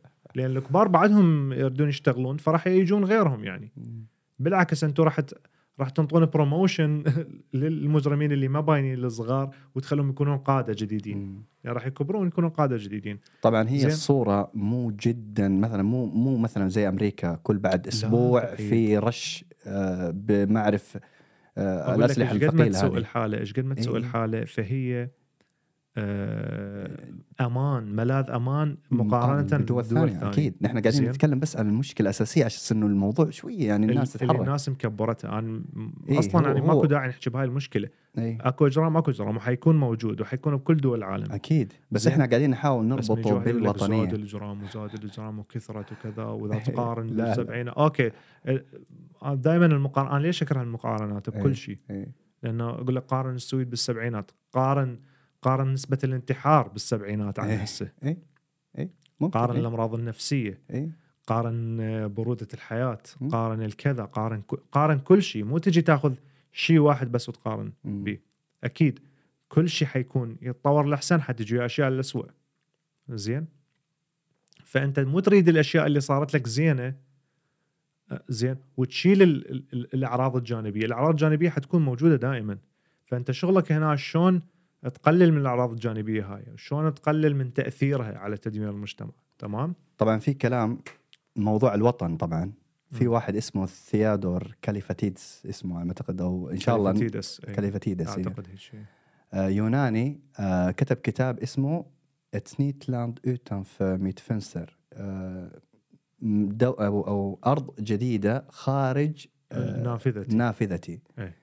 كلام قريته وأنا فين في الاسفي حتى موجود هنا آه، كتاب صغير كذا الآن اوه كان كبير ما أعرف خلوه طابعه صغيره كذا. فهو يتكلم عن عن الشعور بالانتماء أو بالوطنية كيوناني. مم. قال أنا اتولدت في السويد وأتحدث اليونانيه بطلاقة. كبر ما حس نفسه إنه سويدي. دائما أجنبي أجنبي أجنبي يبان عليه شكله يعني حتى شكله أوروبي هذا اللي قاعد يعني تشوفه تقول هذا سويدي. إيه. تمام بس برضو ما أعرف كيف تف... اختلاف تف- بسيط أيوة إحنا ما نقدر ت- نشوفه أيوه تفريق إحنا ما نشوفه إيه. فراح على اليونان أعتقد واجه نفس المشكلة نفس المشكلة إنه هو يوناني فهو فأنا إيش قصدي؟ قصدي موضوع إنه موضوع الوطنية هذه الوطنية الزائفة اللي إحنا تعلمناها هذه المفروض ما يكون لها وجود أصلا لأن إحنا الاستمرار صنع البشرية. إحنا صنعنا الحدود. ففي كلام صراحة يعني بوجهه ل... للناس اللي يقول لك السويد لها فضل لك وفضل عليك وفضل فوق وفضل تحت و... ويمين ويسار ودي وجيب تعرف؟ إيه. بس أردت أطلع الأستاذ هذا اسمه. اي تقريبا تخش على ال history هنا. لا هو هذا موجود بس اسمه وين؟ دكتور؟ إي هذا هنا هنا خش. أها أوكي. اسمه اسمه دكتور روي كاساجراندا اللي اللي اللي اللي اذا تري- اللي يريد يفهم كلامنا شنو إي. انصحه يشوف هاي المحاضرة. إي يتكلم صراحة بمنطق وهو إنسان آه، فنلند هو تكلم على القصة هذه كمان. بالضبط هو أنا ارتحت شيء شيء الحين بس خليني أكمل على هذه. إي. فموضوع انه السويد لها فضل عليك تمام امسحه من دماغك. حلو؟ أي. ليش؟ لأنه أنت لك الفضل زي ما هي لها الفضل شيء متبادل يعني زي السلعه أعطيتني إياه أنا أعطيتك السلعه الثانية بالضبط. أنت وجودك هنا جدا مهم. هسه يقدر واحد يجي يقول لي خلي خلينا نجي إحنا على على- العرب أو يعني عرب بصوره عامه سعوديه أو إمارات. خلينا نقول إمارات لأنه موضوع الأجانب به إنه جايين جدد مو مثل السعودية يمكن أقدم. هل يقدر واحد يقول لي إنه الامارات ال- لها. يعني لها فضل على الهنود؟ أو الهنود لهم فضل على الإمارات؟ لا. لا طبعا الاثنين الإمارات فضل لبعض محتاجين عمال إيه. والعمال محتاجين شغل. إي. زين. ما ندخل بتفاصيل الظلم اللي صار هناك. أو الاستغلال. أنا مم. داك لك بأحسن الأحوال. ما نقدر نقول الإمارات لهم فضل على الهنود لأنهم ما جابوهم عيشوهم ببلاش. يا سلام عليك. زين. وما حد هنا ما يعيشك ببلاش. ممكن أوكي تروح على ال social آه، آه، تكون على ال social ما عندك شغل broke وهم يصرفون عليك بس يذلوك. هذا الشيء أصلا ما يشجعوك تسويه آه، واصلا أشوفه غلط يعني أشوف من هوايه نواحي غلط يتساهلون بموضوع ال social حتى. يعني أنا بالنسبة لي وجهة نظري زين لا المفروض يدفعون أكثر المهاجرين حتى يلقون شغل كذلك يسهلون على دخول المهاجرين سوق العمل من. دون ما الواحد يكون اسمه كذا وكذا إي. إحنا ما نجي نقول إحنا نحكي على كل المشاكل تمام آه، ف ف ف أصلا إنه أنت قاعد على ال social هذا مو شيء طبيعي هذا مو منطقي تمام إنسان واقف على رجلك وما أعتقد هذا. الزمن به هوايه ناس هسه حاليا ما أعتقد اكو هوايه ناس على ال social مم. أوكي بالبدايات يمكن يجون يجوك ناس من برا أو كذا ما عندي نسبة أو رقم ممكن واحد يبحث يشوف إيش قد النسبة أو الرقم طبعا أتمنى نقدر نسوي fact check وإحنا نحكي لأنه. آه، ياخذ وقت لهذا هم يشغلون واحد بالبودكاست يسوي fact check ويقول لهم الكلام بال بس إن شاء الله إنه نتطور بالمستقبل ما نعرف. أي. إيه كمل على الموضوع ف- هذا ال- فقصدي إنه رقم أنا قصدي ليش داخل أقول fact check لأنه ما أعرف إيش قد رقم الناس اللي قاعدين على ال social مم. تمام آه، بس ما أتوقع إنه حيكون رقم عالي آه، من من إجمالي المهاجرين طبعا مم. ال social ما يشمل المهاجرين بس كذلك أكو سويديين على ال social إيه. تمام مم. فالقصد وين إنه إنه ليش ما نقدر نقول ذولا مسوين فضل على ذولا وذولا مسوين فضل على ذولا لأنه من جابوك هم جابوك لأجل أمور ثانية. هم أوكي صح الإنسانية داخلة بالموضوع لكن أنت حتنفع البلد من أمور ثانية. أنت أنت عمالة بالنسبة لهم. مثلا. أنت عمالة بالنسبة لهم. لا حد يقول لي لا ولا حد يقول لي هالموضوع كذب لأنه روح وشوف الشغل اللي له علاقة بال- بالتنظيف بال- بالدوائر أو بالمدارس. روح شوف الشغل اللي له علاقة بدور العجزة. روح شوف الشغل اللي اللي علاقة. العلاقة بأمور. أمور ثانية والأشياء هذه. الدفع مالتها يكون أقل من البقية. طبعا مو كل أكو أعمال شاقة ما يقدر المهاجر يشتغلها لأن دفعها عالي. هي أكيد. زين. وكلها مونوبولي تحسها. زين. إي بالضبط. بس ال... الأعمال اللي دفعها قليل. دائما تروح للمهاجرين. زي واحد يقول لك والله ما ما أشتغل زبال. والله أشتغل زبال لو يعطوني 60000 في الشهر إيش فيك 60000 ما تشوف زبال. 50 ما أدري راتبهم يعني سويدي يعني. نقول فوق ال 30 لا بس. الله أعلم ما أعرف أنا. بس إنه كثير ما قالوا. أعرف إي، بس بس قالوا كثير. لأن يعني. بيها خطورة أو لأنه احتمال يتعرضون للتسمم أو. شيء أو التلوث فبيها مثل الخطورة. هو الراتب الاسمي يبقى نفس إيه، الشيء بس الإضافات مم، الإضافات مم، الزايدة اي. نفس موضوع تبليط الشوارع والبناء وال... إي. زين بس أنا ما أشوف فيها سوق سوق صعب تدخل له أنت كأجنبي يعني ما أدري أنا أنا صراحة أشوف يعني تشوف بس بس إنه نادر. م- صعب تدخل له زين. ف... فهي الفقرة الفقرة إنه من جابوك هم جابوك حتى يسدون أماكن ما قاعد قاعد ما يلقون بها عمال أو ت- تمليها يعني. طيب تعرف أنت عن الدراسة زين. اللي ما دا أقول إنها السبب الرئيسي اللي جابوا بالمهاجرين بس دا أقول أكيد صار نقاش من المنطقي إنه تفكر صار نقاش إنه إحنا الأمور إيه. إنه إنه شو اسمه وأكيد احتم موضوع صندوق النقد الدولي أو أو الصندوق الأوروبي أو هيك شيء اسمه اللي كل الدول اللي الأعضاء الاتحاد الأوروبي يشتركون به هذا طبعا أستاذ الاجتماعيات حكانا بيها مم. إذا تتذكره آه، من حكانا قال إنه آه، إذا أكو عدد معين من المهاجرين إذا اخذتها السويد ما تدفع لهذا الصندوق مهم. فتوفر تمام فيجوك ناس ثانية يقول لك لا بالعكس خب ندفع ولا نتحمل المشاكل أو كذا العنصرين يقول لك هذا الشيء هم أكيد من هذا هذا الشيء قاعد يعرفون نفسهم حيربحون بعدين ترى في موجة البعيد. في موجة قاعدة تواجه أوروبا بصفة خاصة اللي هي موجة العجزة العجزة yes. الكبار في السن نعم، نعم. قاعدين يمرضوا ويموتوا تمام وما لهم بديل لأنه الولادات أقل أقل. المشكلة لقيوا- باليابان عندهم كذلك أيوه. لقيوا في السويد إنه صار في اعتدال بعد ال massinvandring أي. اعتدال حقيقي يعني من أي. كانوا في ورطة. هذا الشيء ما يفرح العنصريين ترى. منطقي أيوه. يقول لك إحنا نريد السويدين يولدون. زين اذا إذا طيب هم ما يريدون إحنا نجبرهم مثلا تكون عندهم ولادات وبنفس الوقت يصعبون على المهاجر إنه يصير عنده الأطفال هواية. زين بعض القوانين وكذا واصلا الموضوع صعب هنا. هم ليش أصلا ما قدروا آه، إنه يكون عندهم هواي أطفال. لأنه القانون هنا وال system ما يشجع على هذا الشيء. يعني خلي الأب وال- لازم الأب والأم يشتغلون. لازم. زين. جدا. فمنو عنده وقت أصلا؟ إي انت, أنت؟ أصلا ما عندك وقت تشوف زوجتك بس حتى تأسس أنت انقضت عشر سنوات من عمرك وأنتم تشتغلون مم. تنتظرون السنة تنتهي حتى تروحون سفرة مثلا خارج السويد. وما تقدر تتنازل عن الشغل على إيه. أساس إنه إذا جت طفل ثاني أو ثالث بالضبط. ما حتقدر هذه تشتغل وأنت لازم تشتغل شغلين ويمكن ما تلحق يعني فمعادله غريبة. إحنا قاعد نلف وندور على إيه، موضوع شو اسمه حتى نرجع للوطن. إحنا القصد وين؟ بدنا نحكي إحنا المكان اللي أنت بيه مو شرط يكون جنة صحيح؟ حتكون بيه مشاكل. أه ومو شرط يكون perfect يلا تحبه بس كافي إنه يكون مكان ينطيك الحرية. اللي بدينا نشوف هواي أشياء من جانب الحرية يكون أه وهم طبعا مو حرية. أه مكان يقدرك ويحترمك مو لأجل شكلك لكن لأجل مجهودك تمام؟ يعني أنت و... وأي شخص ثاني من أي عرق ثاني على قد اللي تقدموه تجيكم الفرص تمام؟ مو هذا الشخص تجي فرص عشر مرات أكثر من الفرص اللي تجيني. وارجع وأقول أنا ما ألوم ال- الف... الأفراد.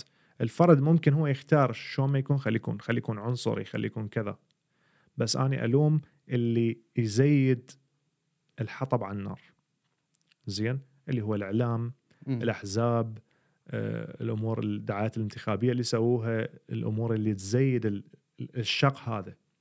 لأنه دائما بالخلافات تقدر تربح. مم. تقدر تربح من الخلافات. بالأزمات تربح. صحيح. زين؟ مم. ال- ال- ال- الكبار يعرفون شلون يربحون بالأزمات. هذا الشيء أصلا يقولوه يعني آه، المستثمرين الكبار كلش يقولوه يعني في أزمة كورونا تعرف إنه الأغنياء ال- صاروا في أربعة طبعا. الم- المستثمرين يقول لك مم. محمد المستثمر أصلا يقول لك بده يعلمك إنه أنت شلون تستثمر. قال استث آه هذا كان وارن بافيت. أعتقد قال ما أعرف إذا راح أقول الكلام حرفيا اللي قاله له لا. قال استثمر لما يكون الدم بالشوارع. مم.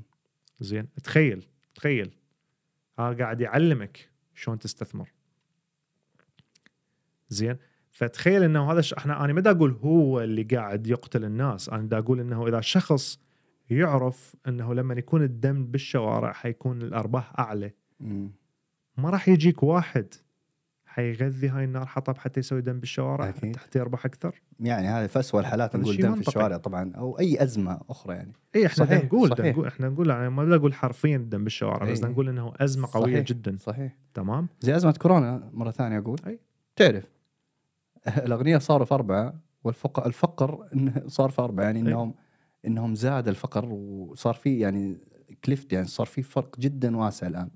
ما بين الأغنياء والفقراء في العالم وتطلع من أزمة تدخل بأزمة تطلع من. كورونا تدخل بأزمة روسيا وأوكرانيا الله أعلم إذا انحلت هاي إيش حيطلعوا لنا وراها. زين وحظل هيجي ليش؟ لأنه دائما الأموال لازم تتحرك تروح من ذول الناس لذول الناس من ذول الناس لذول الناس والظل وذول الناس من راح يخسرون يريد يرجع بصورة أقوى فيحول يسوي مشاكل يسوي أمور حتى ترجع للأموال وكذلك والدوامة. والمشكلة اللي بوسط كل هذا الشيء هو المواطن المتوسط. أكثر شيء اللي عاني هو الم- المواطن المتوسط. ليش؟ لأنه إحنا نقول الفقير الفقير إذا هو فقير أصلا إذا شخص فقير بالموت لاقي له شيء ياكله. وصارت أزمة ما راح يتأثر هواية.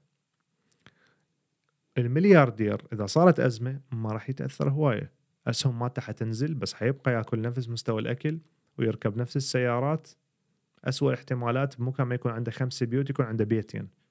بأسوأ الاحتمالات تمام؟ هذا الغني أو الطبقة الاليت الكبار هم كلش. زين؟ بأسوأ الاحتمالات. لكن أنت من تجيب على واحد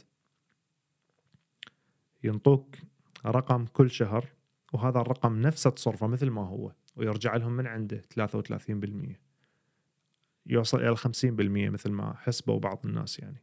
زين؟ هذا الإنسان اللي راح ينعدم. هذا الإنسان اللي راح تختل كل موازينه. بالأزمات. زين؟ لأن أول شيء الدولة معتمدة عليه قاعد تسحب من عنده والدولة من راح تتأزم ما راح ترجع الفلوس اللي قاعد تسحبها. قاعد تسحب ثانية. زين؟ الأسعار قاعدة تزيد. وهو قاعد ينزل له نفس المرتب الشهري. زين؟ نفس الراتب الشهري قاعد ينزل له والأسعار قاعد تزيد وهذا الشيء نشوفه. نعيشه إيه، حاليا. حاليا أزمة أوكرانيا وروسيا. نعيشه حاليا من أزمة كورونا لحد الآن. إيه. هل زادت الرواتب بأزمة كورونا؟ لا. زين؟ أوكي. الأسعار ما زادت بأزمة كورونا بالعكس الأسعار اللي لها علاقة بالبنزين وهاي قلت والسفر والنقل كله توقف فقلت الأمور. ممكن آه، بعض أنواع الأكل زادت بعض الأشياء البسيطة زادت. المناديل. هاي مو مشكلة. زين. آه بس من تجي أكيد أكيد أكيد هاي الأمور ما زادت بس أكيد آه جزء من التمويل كبير اتجه باتجاه المستشفيات. مم. أكيد لأن صارت أزمات بالمستشفيات إحنا مثل ما نعرف يعني. أنت تعرف اشتغلت بهذا تشتغل. بهذا المجال. زين. فبالأزمة هذه هسه كذلك ما صعدت الرواتب صعدت الأسعار تضاعفت زين. آه، بعض الأمور مو ضعفت صارت في عشرة. زين بغير دول. الحمد لله والشكر لحد الآن بعد أكو فرق كبير بس مو مو ذاك الفرق اللي الكهرباء آه، ذاك يوم دا اقرا خبر أكو واحد عايش 20 سنة ببيت باع بيته لأنه ما قاعد يتحمل فاتورة الكهرباء. إي إي إي. واحد متقاعد يعني البيوت. يعني إي البيوت. مصيبة. إي. فأنت تخيل الرواتب نفسها والأسعار تزيد والبنوك والرنته الأجل شنو؟ أنا أنا ال- ال- ال- اللي اللي صادمني الأجل شنو؟ الأجل غرض سياسي تدعم به تدعم به دولة أنت ما لك علاقة بيها، مم. أوكي؟ آه، أوكي إحنا نقول إنسانية، طبعا موضوع الإنسانية موضوع لفة موضوع تناقض و bias لأنه أنت ليش ليش صارت إنساني ويا هاي الدولة وذيك الدولة اللي لما هجمت عليها دولة ثانية ما صارت إنساني إيه. وياها لأنه بالعكس دعمت باسلحه إي دعمت أسلحة و... وأنت كنت من المنتفعين طبعا من هذا ال- أكيد. من هاي الحرب. مم. آه و- وكذلك هم نرجع على الإعلام والأخبار وال- وال- والمعلومات اللي تطلع اللي تأثر بالناس. وأنت تجي كمواطن عادي تدعم هذا الشيء وتكبر من عنده وتقول إيه وتكتب على ال social media و... وايه وأنا مع هاي الدولة وإحنا نوقف ويا هاي الدولة وكذا. وأنت المتضرر الوحيد. أنا هذا اللي قاعد والله غاسلين. غاسلين دماغ الناس. أنت المتضرر الوحيد من هالموضوع. زين. آه أنت. اللي دفعت 10 أضعاف الطاقة. إيه. آه، آه، فلوس الطاقة. أنت اللي قاعد تزيد عليك فلوس المنتجات. منو عبالك؟ الحزب الحاكمك هو اللي حيتأثر؟ الأغنياء هم حيتأثرون؟ عندهم إيمان بالسياسة أعمى. أي. جزء كبير يعني. شفت؟ عندهم إيمان بس يعني على أساس إنه الأحمر والأصفر والأخضر ترى كلهم واحد. أنا هذا اللي يصدمني. أنت ش... كلهم واحد. أنت شلون يكون عندك ثقة بجهة حاكمة إنه هاي قاعد تشتغل لأجلك. ما دا أفهم يعني. صراحة أنا أنا ما أقدر أفهم إنه شلون أنت يكون عندك ثقة بشخص مستلم قوة ومست... ومستلم قيادة إنه هذا راح يشتغل لك بس بدون أي مصالح شخصية. بدون أي انتف... يعني ليش؟ فرقوا العقول. أنا ما أقول لك كون ش... كون شكاك بأي واحد لا بس على الاقل على الأقل استفسر. اوقف على نقاط معينة بها شك. زين؟ لما تشوف هذا الحاكم سوى فد حركة معينة استجوب. ليش أنت سويت هذا الشيء؟ إيه. أخذ من عنده تبرير منطقي. زين؟ خلي عينك عليه على الأقل. على الأقل إذا هو قاعد يسوي فد شيء وماخذ راحته على الآخر لأنه الناس تحبه على الأقل ما راح يحس الناس لا قاعد تباوع عليه وقاعد تنتبه تراقب تحركاته. على الأقل راح يكون شوية يتراجع. يتراجع تمام؟ مو هذا التداخل مع الوطنية جدا جدا ذكي. ليش أقول لك؟ لأنه لأن الوطنية من أهم أشياء هي الصدق. فعن جد يعني هم هم شاعرين بالوطنية الزائفة هذه اللي يرفع علم وما أعرف إيش. الوطنية. الكاذبة. تمام. فإذا أنت إذا إنسان كاذب وباين في وجهه إنه كاذب بس قدر كذا إنه أنت تصدقه. كيف؟ الله أعلم. ما أدري ما أدري يعني لأنه يشبهك غسيل أو لأنه إيوه يا سلام أو لأنه عليك. ينتمي للفكره نفس مدرسة؟ الفكر المدرسة. الفكرية اللي أنت تنتمي إلها أيوه زين هذا للتحيزات الشيء هذا الشيء هذا الشيء يشتغل على على مبدأ ال- ال- الغرور مم. الغرور إحنا كذا إنسان عنده جزء منه لهذا. أنا أكو أكو امور هوايه امور هوايه الناس تحكي بيها وتشوفها في شيء إيجابي أنا أشوفها سلبي مثلا مم. كلمة فخر أنا أفتخر أنا ما أفتخر بأي شيء. ما أفت... لا أفتخر بكوني مسلم لأنه احتمال ما أكون مسلم كفاية وراح أتعاقب بيوم القيامة. مم. ولا أفتخر بكوني عربي. مم. ولا أفتخر بكوني أبو الحضارات أو اول حضاره بالعالم. ليش. دا أفتخر؟ هل أني ليش؟ شاركت بهاي الحضارة؟ هل طيب أني سؤال. بنيت وياهم الحضارة هاي؟ سؤال. لا. مثلا أنت هل أني واثق من من كوني الله راح يرضى علي بحيث أقول أنا أفتخر انه مسلم؟ منو قال؟ احتمال راح ما راح أكون ال... فهمتني؟ يعني ما يعني, يعني- أنا نوعا ما صح كلامك نوعا ما موضوع الافتخار ما أدري باللغة العربية ممكن في ناس أحسن مني باللغة العربية ويعرفوا أكيد. نوع ال- الافتخار نوعا ما احس عنده جزء من الكبر أو إنه إي. أنا أفتخر وما أعرف إيش وغيرك يقول أنا بالقرآن؟ ولا أفتخر. تمشي في الأرض مرحا إن. الله لا يحب كله مختال فخور. آه. الايه تقول حافظها لو لا؟ لا هيك هي كانت تقول. آه، أعتقد. للأسف يعني للأسف يعني والله. إن شاء الله هرجع بقوة المرة هذه يعني. أي. ه- هذه من الأشياء إن شاء الله الثابتة إن شاء الله. أي. حبدا أرجع إن شاء الله آه، القرآن الكريم. ف... فالفخر بالنسبة لي كلمة سلبية. مم. الوطنية كلمة سلبية. زين؟ إنه أني وطني كلمة سلبية. لازم تعرف شنو معنى أني وطني. مثل ما مم. قلت لك أني وطني لما محترم القانون لما ما أذيت أحد ما خنت المكان اللي أنا بيه. أني وطني. مم. شنو فرقي على الوطني؟ بس مجرد لا تقول لي ارفع علم وشيل علم آه وتحيز وتحيز وكذا. وافتخر وما أعرف إيش الشغلات هذه اللي لا. اللي لوثت عقول الناس لأنه العلم أكو من صنعه مم. ما كان ما كنت أنا مشارك بصن... بصناعة شكل العلم هذا ولا كنت مشارك برسم الحدود هذه ولا اختاريت أنه الحزب هذا ممكن اني حكون جزء من اللي يختارون الحزب هذا يحكم أو المكان أو ال أو, ال أو الشخص هذا يحكم عن طريق انتخابات مم. طبعا حكون نوعا ما مؤثر أو إلي صوت بهذا أو إلي فد رأي بهذا الموضوع بس أي شيء ثاني تقول لي افتخر بيه وأنا ما شاركت بيه أو ما راضي عنه زين ما أقدر أفتخر بيه مم. اعذرني. نفس الشيء لما يجي واحد يقول هذا لي من أنت في زمان. السويد بحياتي ولو مم. أنا آسف قاعد. أحكي قاعد أحكي خوش فوقك خوش خوش لأنه هي هذا الصح تعبتني يعني إيه بحياتي أني إيه كنت أشوف مثلا آه، أي منتج مرسوم عليه علم ما أشتري حلو. أي منتج إذا علم عراقي ما أشتري. حلو. يعني مرة شفت محفظة عجبتني كلش حلوة جلد. وكذا. عليها نصر الجمهورية العراقي ما اشتريتها على مود هذا السبب. مم. أنا سويتها مرة واحدة والله ما أعرف إيش صار فيها. وقتها كان دماغي مغسول. كانت تذكر المفتاح اللي كان علم إريتريا والله جاني هدية ولا اشتريت المهم ما أدري المهم هي هي الرسمة نفسها كانت عجباني قلبه بنيه بس لون فيها علم إريتريا يلا. هاي سويتها. صراحة.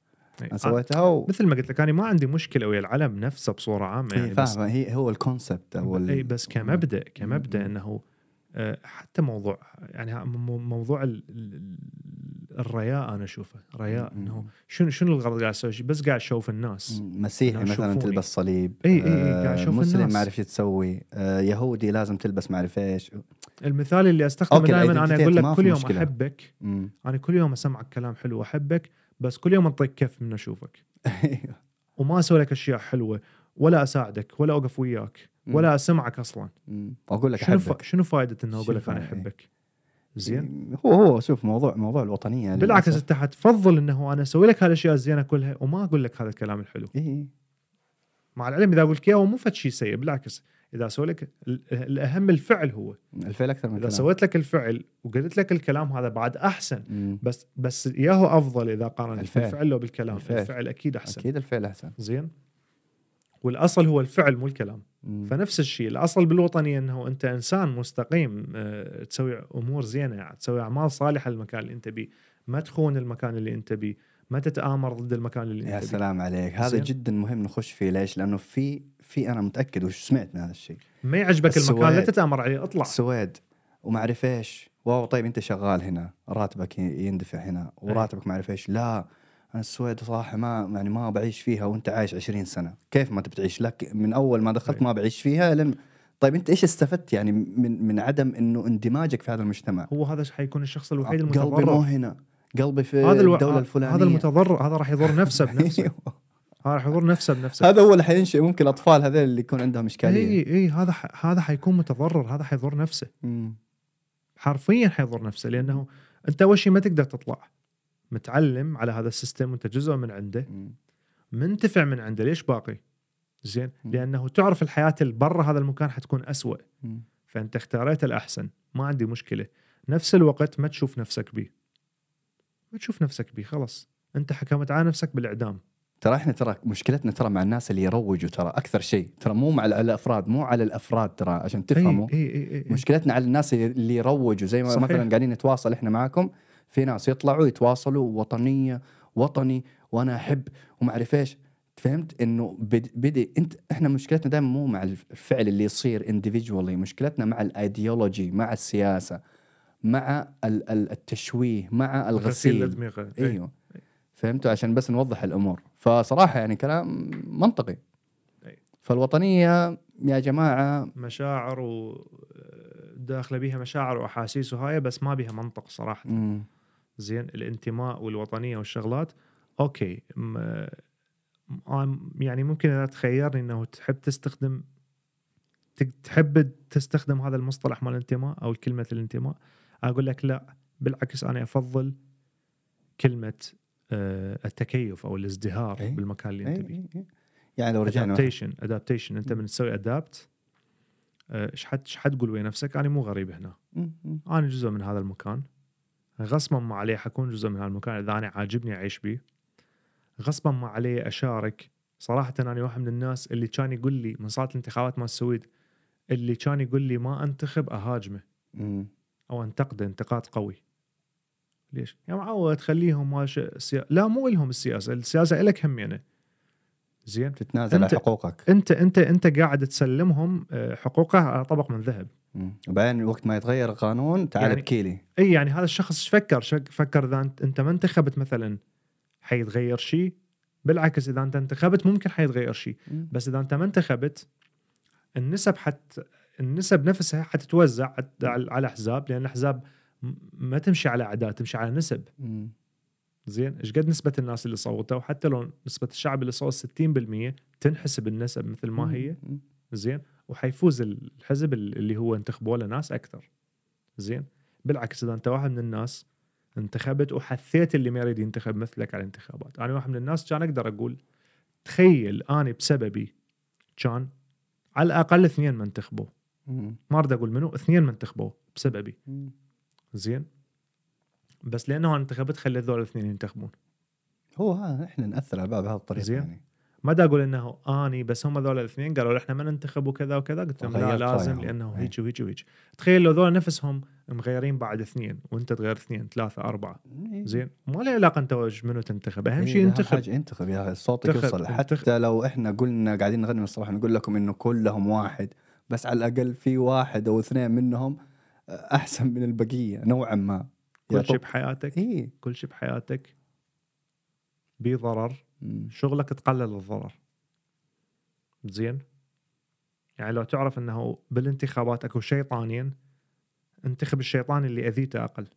على قولهم. إذا إذا تريد إذا تريد إذا تريد تغير انتخب مم. الشيطان اللي يذيته أقل. لأنه بالنهاية حيفوز واحد من عندهم غصبا عنك إي. بس ممكن أنت حتكون آه، مؤثر بسبب يا شيطان حيحكم مم. من عندهم. زين؟ هاي وجهة نظري صراحة. كلام جميل جدا والله. زين. لهذا كنت أقول من ز... أنا مبدأي بكل شيء. كنت أقول لك من زمان نروح أنا وياك كنا قبل ما نسوي نظامنا الغذائي الحلو كنا ناكل كل شيء ما شاء الله. مم. فادخل أنا وياك بمطعم وجبات سريعة. مثلا أنا آخذ فد شيء. تقول لي ليش أخذت هذا؟ هو كله مثلا أقل. الأضرار. أقول لك أنا آخذ أقل الأضرار. أنا لا والله بالعكس كنت أقول لك الله ألتهم ألتهم كل أي. شيء. انت من تقول كنا داخل داخل تدخل بأسوأ شيء. أنا أحب أدخل كنت كذا بس. تمام. نجيب ال Big Share يا جماعة وال Big Tasty. كولا ما اشرب أنا من زمان. م- أنتوا عارفين أنا الحمد لله كنت أشرب عصير تفاح نفس المصيبة. وفهمت. يعني ضرر فاي أقل ممكن شوي عصير تفاح.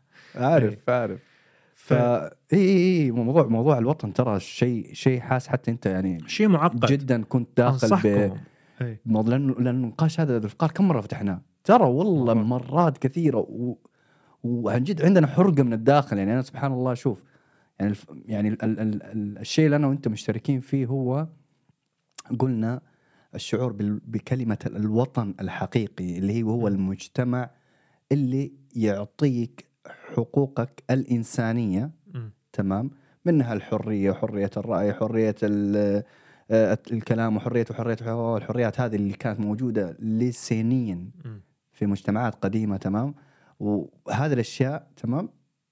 موجودة كانت وما صارت موجودة في المجتمع اللي أنت كبرت فيه ولا في المجتمع اللي أنا كبرت فيه.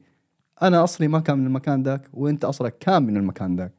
فنفس الشعور ونفس المشاكل موجودة. ليش؟ لأنه تكون نوعا ما الأعراض مختلفة أو القصة مختلفة ولكن المشكلة الأساسية كانت واحدة فدائما إحنا إيش نقول؟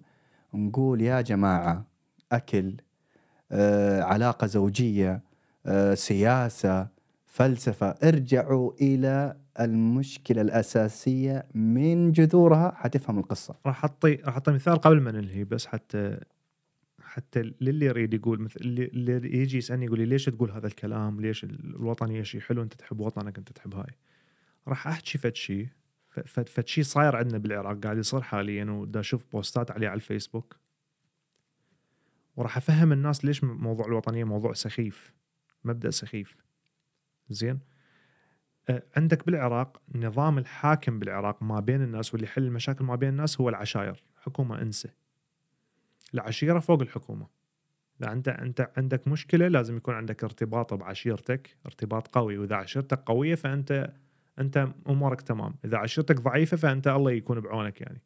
زين؟ ممكن تكنك ويا عشيرة مو عشيرتك عادي بمبالغ. كانما هم عشيرتك ويجون يحلون مشاكلك هم يعني. أوكي. يعني حتى العشائر ما قاعد تمشي بشرف أو ما قاعد تشتغل بشرف. ما احكي على الكل طبعا أنا احكي على بعض الأفراد. صاروا يسوون آه، مجموعات مثل عصابات ويسموها عشيرة بس هي حتى مجرد إنه يروحون أوكي صاروا يخلقوا عشائر يخلقوا أخرى يعني عشائر. غير العشائر الأصلية. إي إي ومشكلة ضايعة يقول لك إحنا بني فلان. أنت ما تقدر تقول لك لا أنتم مو بني فلان. أوكي. يجوك مشايخ وكذا تمام؟ أوف. زين. الفقرة وين؟ قام يصير نوعا ما مثل السكامينج يعني غش وخداع عن طريق العشيرة. شلون؟ أنت ماشي بسيارتك بسرعة خفيفة داخل شارع ما منتبه. يجي واحد يركض و... و... و... ويصدمك بجسمه كأنما أنت صدمته يوقع بالقاع يقوم يصيح كذا. زين أنا حخابر العشيرة يجون هم يحلون المشكلة هاي. زين العشيرة تقول لك إحنا نريد إلا 10000 دولار. مم. ماكو 10000 دولار بيناتنا ثار يجون يرمون بيتك. زين. يقتلوك ممكن يمكن يرمون بيتك. اي اي اي هي هاي الفقرة. لأن أنت سويت ثار إذا ما تنطيهم المبلغ هذا. مم. طبعا أنت إذا ما عندك عشيرة الله يعينك. إذا عندك عشيرة العشيرة مالتك ويا هم ذولا يتفاهمون. زين. هذا ابنكم ضرب ابننا بالسيارة وكذا. زين. المشكلة وين؟ لحد الآن أنت ما عندك مشكلة. إذا أنت منتبه وأمورك تمام وما تسوي مشاكل خلينا نقول ما تصير عليك مشكلة. المشكلة قامت صارت إذا أنت ماشي بالشارع ولزمتك نوبة قلبية وقعت ما حد ما يجي يشيلك. هاي شنو؟ لا مستحيل. والله. الناس تشوفك تموت وتمشي من يمك لأنه اللي ياخذك للمستشفى يتورط. إذا أنت طلعت ورا قاعد تسوي سكام فهمت. زين. إذا أنت إذا أنت وقعت بالشارع فهمت فهمت الحين إيه. أو إذا أنت شفت واحد مصدوم بالسيارة وشلته ساعدته للمستشفى حتجي عشيرته تقول لك أنت أنت اللي ضربته. زين. لهذا تعال جيب عشيرته خلينا نسوي دية. فصل إحنا نسميه مثلا. هي ما تبي تتداخل في المشاكل هذه فتسيبه. فتعوفه وتروح. فإذا الشخص هذا من صدق ده يموت راح يموت بالشارع. ده تصير هاي الأمور ده تصير. للأسف يعني. بعد سمعت واحد كاتب كومنت كتبت يعني إنه واحد سوى شيء ذكي إنه آه، واحد كان مضروب بالسيارة وكذا وواقع بفد جلطة وما ما أعرف شنو واحد عنده مشكلة. ففتح الكاميرا يابا اني هذا شفت واحد وراح أساعده. تعال أنت تقبل أساعدك؟ اني وش اسمه؟ قال لهم إي والله هذا غريب راح يساعدني ما له علاقة بالمشكلة. وأخذه. بس حتى يساعد. هذا إنسان شوية يفكر بطريقة ذكية. فأنت حتى تريد تسوي عمل خير ما تقدر بعد. هذه. أشياء والله بالبلد صراحة اللي يسموها يسموهم أهل الغيرة العراقيين. أساس أهل الغيرة دائما إنه آه، إذا يشوفون واحد واقع مشكله واقع مشكلة يركضوا له أول ناس. زين؟ حتى هذا ال- الشيء اللي هم يفتخرون به ما قاعد يقدرون يسووه هسه بسبب أنا ليش دا أقول ليش دا أقول الوطنية سخيفة وجبت هذا المثال؟ لأنه تجي على المواطن الأفرج وتسأله يقول لك لا العشيرة فد شيء حلو. زين؟ العشيرة مهمة أهم من الحكومة. ما دا أقول للكل دا أقول إذا رحت على مواطن أفرج عادي جدا بسيط راح آه، يقول لك لا بالعكس موضوع العشيرة فد شيء حلو و-. ولازم يستمر. زين؟ هذا الرأي العام. فتريدون هذا الشيء تحملوا بعدين تجي تقول لي وطنية ووطني وليش وطني؟ ضاع ضاع الوطن بسببك انت. مم. ضاع الوطن بسببك انت. زين؟ فلا تجي تقول لي شيل علم نغني النشيد الوطني. احفظ لي أسماء كل من حكموا بلدك. احفظ لي هاي الأمور كلها تغنى بيها. وأنت واحد من الناس سبب بالمشكلة سبب بخراب هذا المكان. إي يعني يعني أوكي أوكي. معاكم أنا ما عندي مشكلة. إيش وين وين حيوديني ان أنا أعرف أصلي؟ وين أعرف أصلي أنا وين من 2000 جد؟ وين حيوصلني؟ وين حيوصلني؟ حيدخلني الجنة؟ لا حيخليني إنسان عظيم؟ لا حيغير من شخصيتي للأسوأ ممكن أو الأفضل فهمت كيف؟ فأنا إيش قصدي؟ قصدي وين حيوصلني؟ وين حيوصلني هذا؟ حيوصلك لمكان؟ هل في له فائدة بشرية؟ شو الفائدة يعني؟ م- مشاعر يعني إنه ما أعرف في الموضوع هذا صراحة يحسك بالغرور رضع بالنفس الموضوع هذا. حفاظا على التاريخ تمام أي. بعض المرات في التاريخ عشان ينحفظ مثلا مثلا ديانات معينة أكيد له معنى جدا كبير تمام مم. بس أنت إيش حت إيش إيش الشيء اللي قاعد تسويه أنت؟ يعني إيش إيش التغ... إيش الإضافة اللي قاعد تضيفها؟ على المنفعة الشخصية يزيدك غرور بس يعني إنه أيوه مو أنا هذا قصدي. آه، شعور بدائي حيواني أنا أشوفه هذا. شعور حيواني إنه اي انت هذه غريزة. انت انت انت أنت أصلك من كذا. أوه يرجع أصل ال بيت. الرسول. أنا كذا أنا بطل. أوكي يعني أنت بالنهاية كل ما راح يتحاسب وحدة. على أعماله. أي. أيوه رب العالمين قال. وهل أنت الك هل أنت إلك آه، آه، يعني هل من المنطق إنه فكر ويا نفسك. مم. أنا ولدت بهاي العائلة. تخيل سيناريو أنت من ولدت بهاي العائلة أو أنت من ولدت بهاي الحدود. مم. زين؟ أنت انولدت بدولة هواية أسوأ. أنت حتكون أنا هاي بالضبط عندي. شوف هيك شخص وطني. هذا تحدي مثل ما يسموه thought experiment. أتحدى بيها أي واحد. موجودة طبعا بعلم النفس مو أنا اللي طلعتها موجود بعلم النفس. الشخص الوطني والمتحيز الوطني والمتعصب للتحيز الوطني ال nationalist. المشكلة إنه. المشكلة إنه هنا ب... ب... ب... باللغات الثانية من واحد يقول nationalist بالإنجليزي مثلا بيها نوعا ما tone آه سلبي. مم. إنه من واحد يقول هذا nationalist أكو إنه tone سلبي. نرميه شوية على اليمين عنصري. إي. تقريبا. زين. بالعربي من تقول وطني بالعكس شو إيجابي هذا إيجابي، أكثر. إي- إي. دا تشوف فرق أكيد أكيد كلمات. ف ف ف ف فهذا ال nationalist المتحيز الوطني هذا لو تغير السيناريو ولو كنا بكون ثاني موازي هذا الشخص نفسه نفس نفس شخصيته انولد بدولة ثانية حيكون هم nationalist لأجل هاي الدولة. اللي هو كان بهذا الكون الثاني قاعد يعاديه اي اي تمام أكيد زين إي. لأن لأنه أصلا هذا الفكر مجرد يغذي الذات يغذي يغذي ال ال النفس الإيجو. بس مجرد بالإيجو ايجو ايجو ايجو ايجو اني اني اني اني زين؟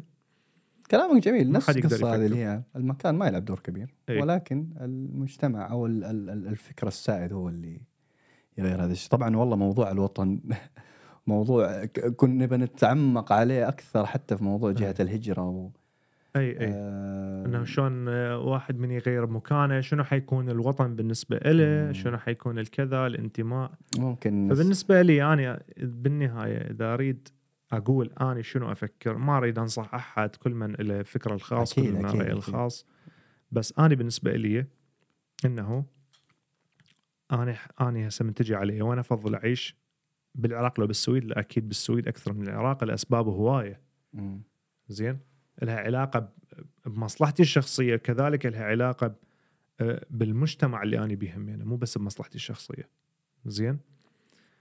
أه بس إذا لقيت مكان حيقدرني وحقدر أسوي اني بيه شغل وحقدر أني انفع الناس وأنتفع بنفس الوقت من عنده أحسن من السويد هذا حيكون وطني الجديد. أكيد. زين؟ هذا حيكون وطني الجديد. 200% معك في هذا الشيء. دائما زين. حبحث أنا على منو يقدم لي أفضل. أي. أنا إنسان منتج. تمام؟ مو بس من يقدم من. يعطيني الفرصة إنه أقدم له أكثر. يا سلام عليك. م- حتى. هي الفرصة هذه منو يقدم لي فرصة أفضل. أي. تمام؟ معناته إذا أحد جاء بدي يمسني في حريتي بدي يمسني حتى في حرية أولادي بدي يمسني حتى في حرية الأفكار اللي قاعدة تتوزع على أولادي مم. على أهلي ومن الكلام ده أسحب عيلتي زي ما أنا. أي. أطلع أشوف لي مكان. alternative alternative ثاني. أي. فالمكان يا جماعة مو نهاية العالم. رب العالمين يقول لك فاسعوا فيها اجروا بس روحوا اجروا. دوروا أماكن أفضل. عرفت كيف؟ للأسف للأسف كلام رب العالمين صار بالنسبة لأغلب الناس دائما يجي بالمرتبة الثانية. هي هو شوف سبب صار- هلاك صار الأمة. صار صار. سبب هلاك الأمة بعدها عن القرآن الكريم بعدها نعم. عن رب العالمين. وهذا الشيء ترى العادات ترى والتقاليد أكبر. ترى إحنا قاعدين نواجهه. أنا من الناس اللي قاعد اواجهها أكبر. ترى. اي أي. كلنا قاعدين نواجه عادات وتقاليد روايات أصول آه، إيجو صار هاي هاي كلها أعلى. كلها أعلى هاي. كلها مم. كلها تجي. بعدين إذا تتعداها لا يجي هنا الكلام من رب العالمين والدين. ويا ريت. صدقني. وأي واحد حتساله يقول لك لا مستحيل أنت تحكي هيجي ومن تحكي له شغلة العلاقة فقط بعادات وتقاليد يقول لك لا ما يصير تقول هذا الكلام لا. تقبل أختك يتزوجها واحد هندي مسلم وكذا. لا ما لا. شفت؟ اي مو لا أنت تق... أنت تقبل أختك يتزوجها واحد هندي؟ راسا. الدب ال- الدب الدب المورال يسموه هذا إنه اي نفس قصة السويد. ما تجي تقول لي السويد ولا لا السويد من هنا تبيع أسلحة تستفيد من هنا تستقبل لاجئين وإنسانية. تنتقد العنف من. نفسك أنت اللي تقول والله العظيم ما أعرف إيش والإنسانية في نفس الوقت ما تبى تزوج بنتك ولا أختك الإنسان هي تحبه. حتى لو كان عرقه أو أو جنسه من أي مكان ثاني. أي. فموضوع نفسه ترى موضوع جدا سهل يعني فهمه عرفت كيف لا يبغى له فلسفة ولا يبغى له دراسات ولا يبغى له أي شيء. أعطيكم ألف عافية يا جماعة. شكرا جزيلا صار لنا ساعة ونص. إي يعني حاولنا إنه نعطيكم آه، موضوع كذا سريع خفيف لواطف على قولهم. حوارات حلوة إن شاء الله والجاي أفضل. وهاي مثل ما تشوفون تغيير من ناحية التصوير المرئيات تطور أي. بسيط. تجربة. تجربة هذه نجرب تجربة تنجح نستمر بيها ما تنجح نرجع على قديم أو نحاول نسوي شيء جديد نشوف. وهذا تابعونا على التيك توك كذلك المقاطع المهمة والصغيرة قاعد ننزلها أه، محمد دا يسوي لنا شغل حلو يقطع وينزل كلنا قاعدين نشتغل في هذا الموضوع. أنا والرفقار تمام أه و نريد نريد نريد. دعم نريد شد نريد شوف إيه. أسمع إياه من الآخر تمام؟ اللينك اللي قاعد ننزله بالحلقة أنا آسف محمد ال link اللي قاعد ننزل الحلقة يقدر واحد يشوفنا يشوفنا ويسمعنا بيه بأغلب الأماكن. كمل. إياه من الآخر الصراحة راح. راحة. أي شيء والله العظيم في قلبنا قاعدين نقوله تمام؟ وإن شاء الله بإذن الله بإذن الواحد أحد انه إحنا ما نكون أصلا تعدينا على أحد وأنا متأكد 100% 100% إنه الحمد لله. ممكن سهو خطأ صار مننا تمام؟ ولكن هذا كله من تجربة إنسان في هذه الدنيا. انتقدونا أو تمام. أو سالونا أنه هذا إنسان الكلام. في هذه. الدنيا. إي إي. عرفت كيف؟ هذه تجربتنا. ه- هذه هذا شعورنا حاليا. هذا شعورنا لبعض المعاني الكاذبة اللي نحن نشوفها كاذبة. يس عرفت كيف؟ وإن شاء الله بإذن الله نتمنى إنه تتابعونا وتشدوا حيلكم معانا. واللي. يستفيد يستفيد. تمام. واللي ما يريد يستفيد لا يستفيد. تمام بس برضو اضيف أنا عشان والله ما حخليك ضيفونا يكون لا- لايكات وفولو حبايب أهم شيء الله يعطيكم ألف عافية يا جماعة وش نقول في النهاية؟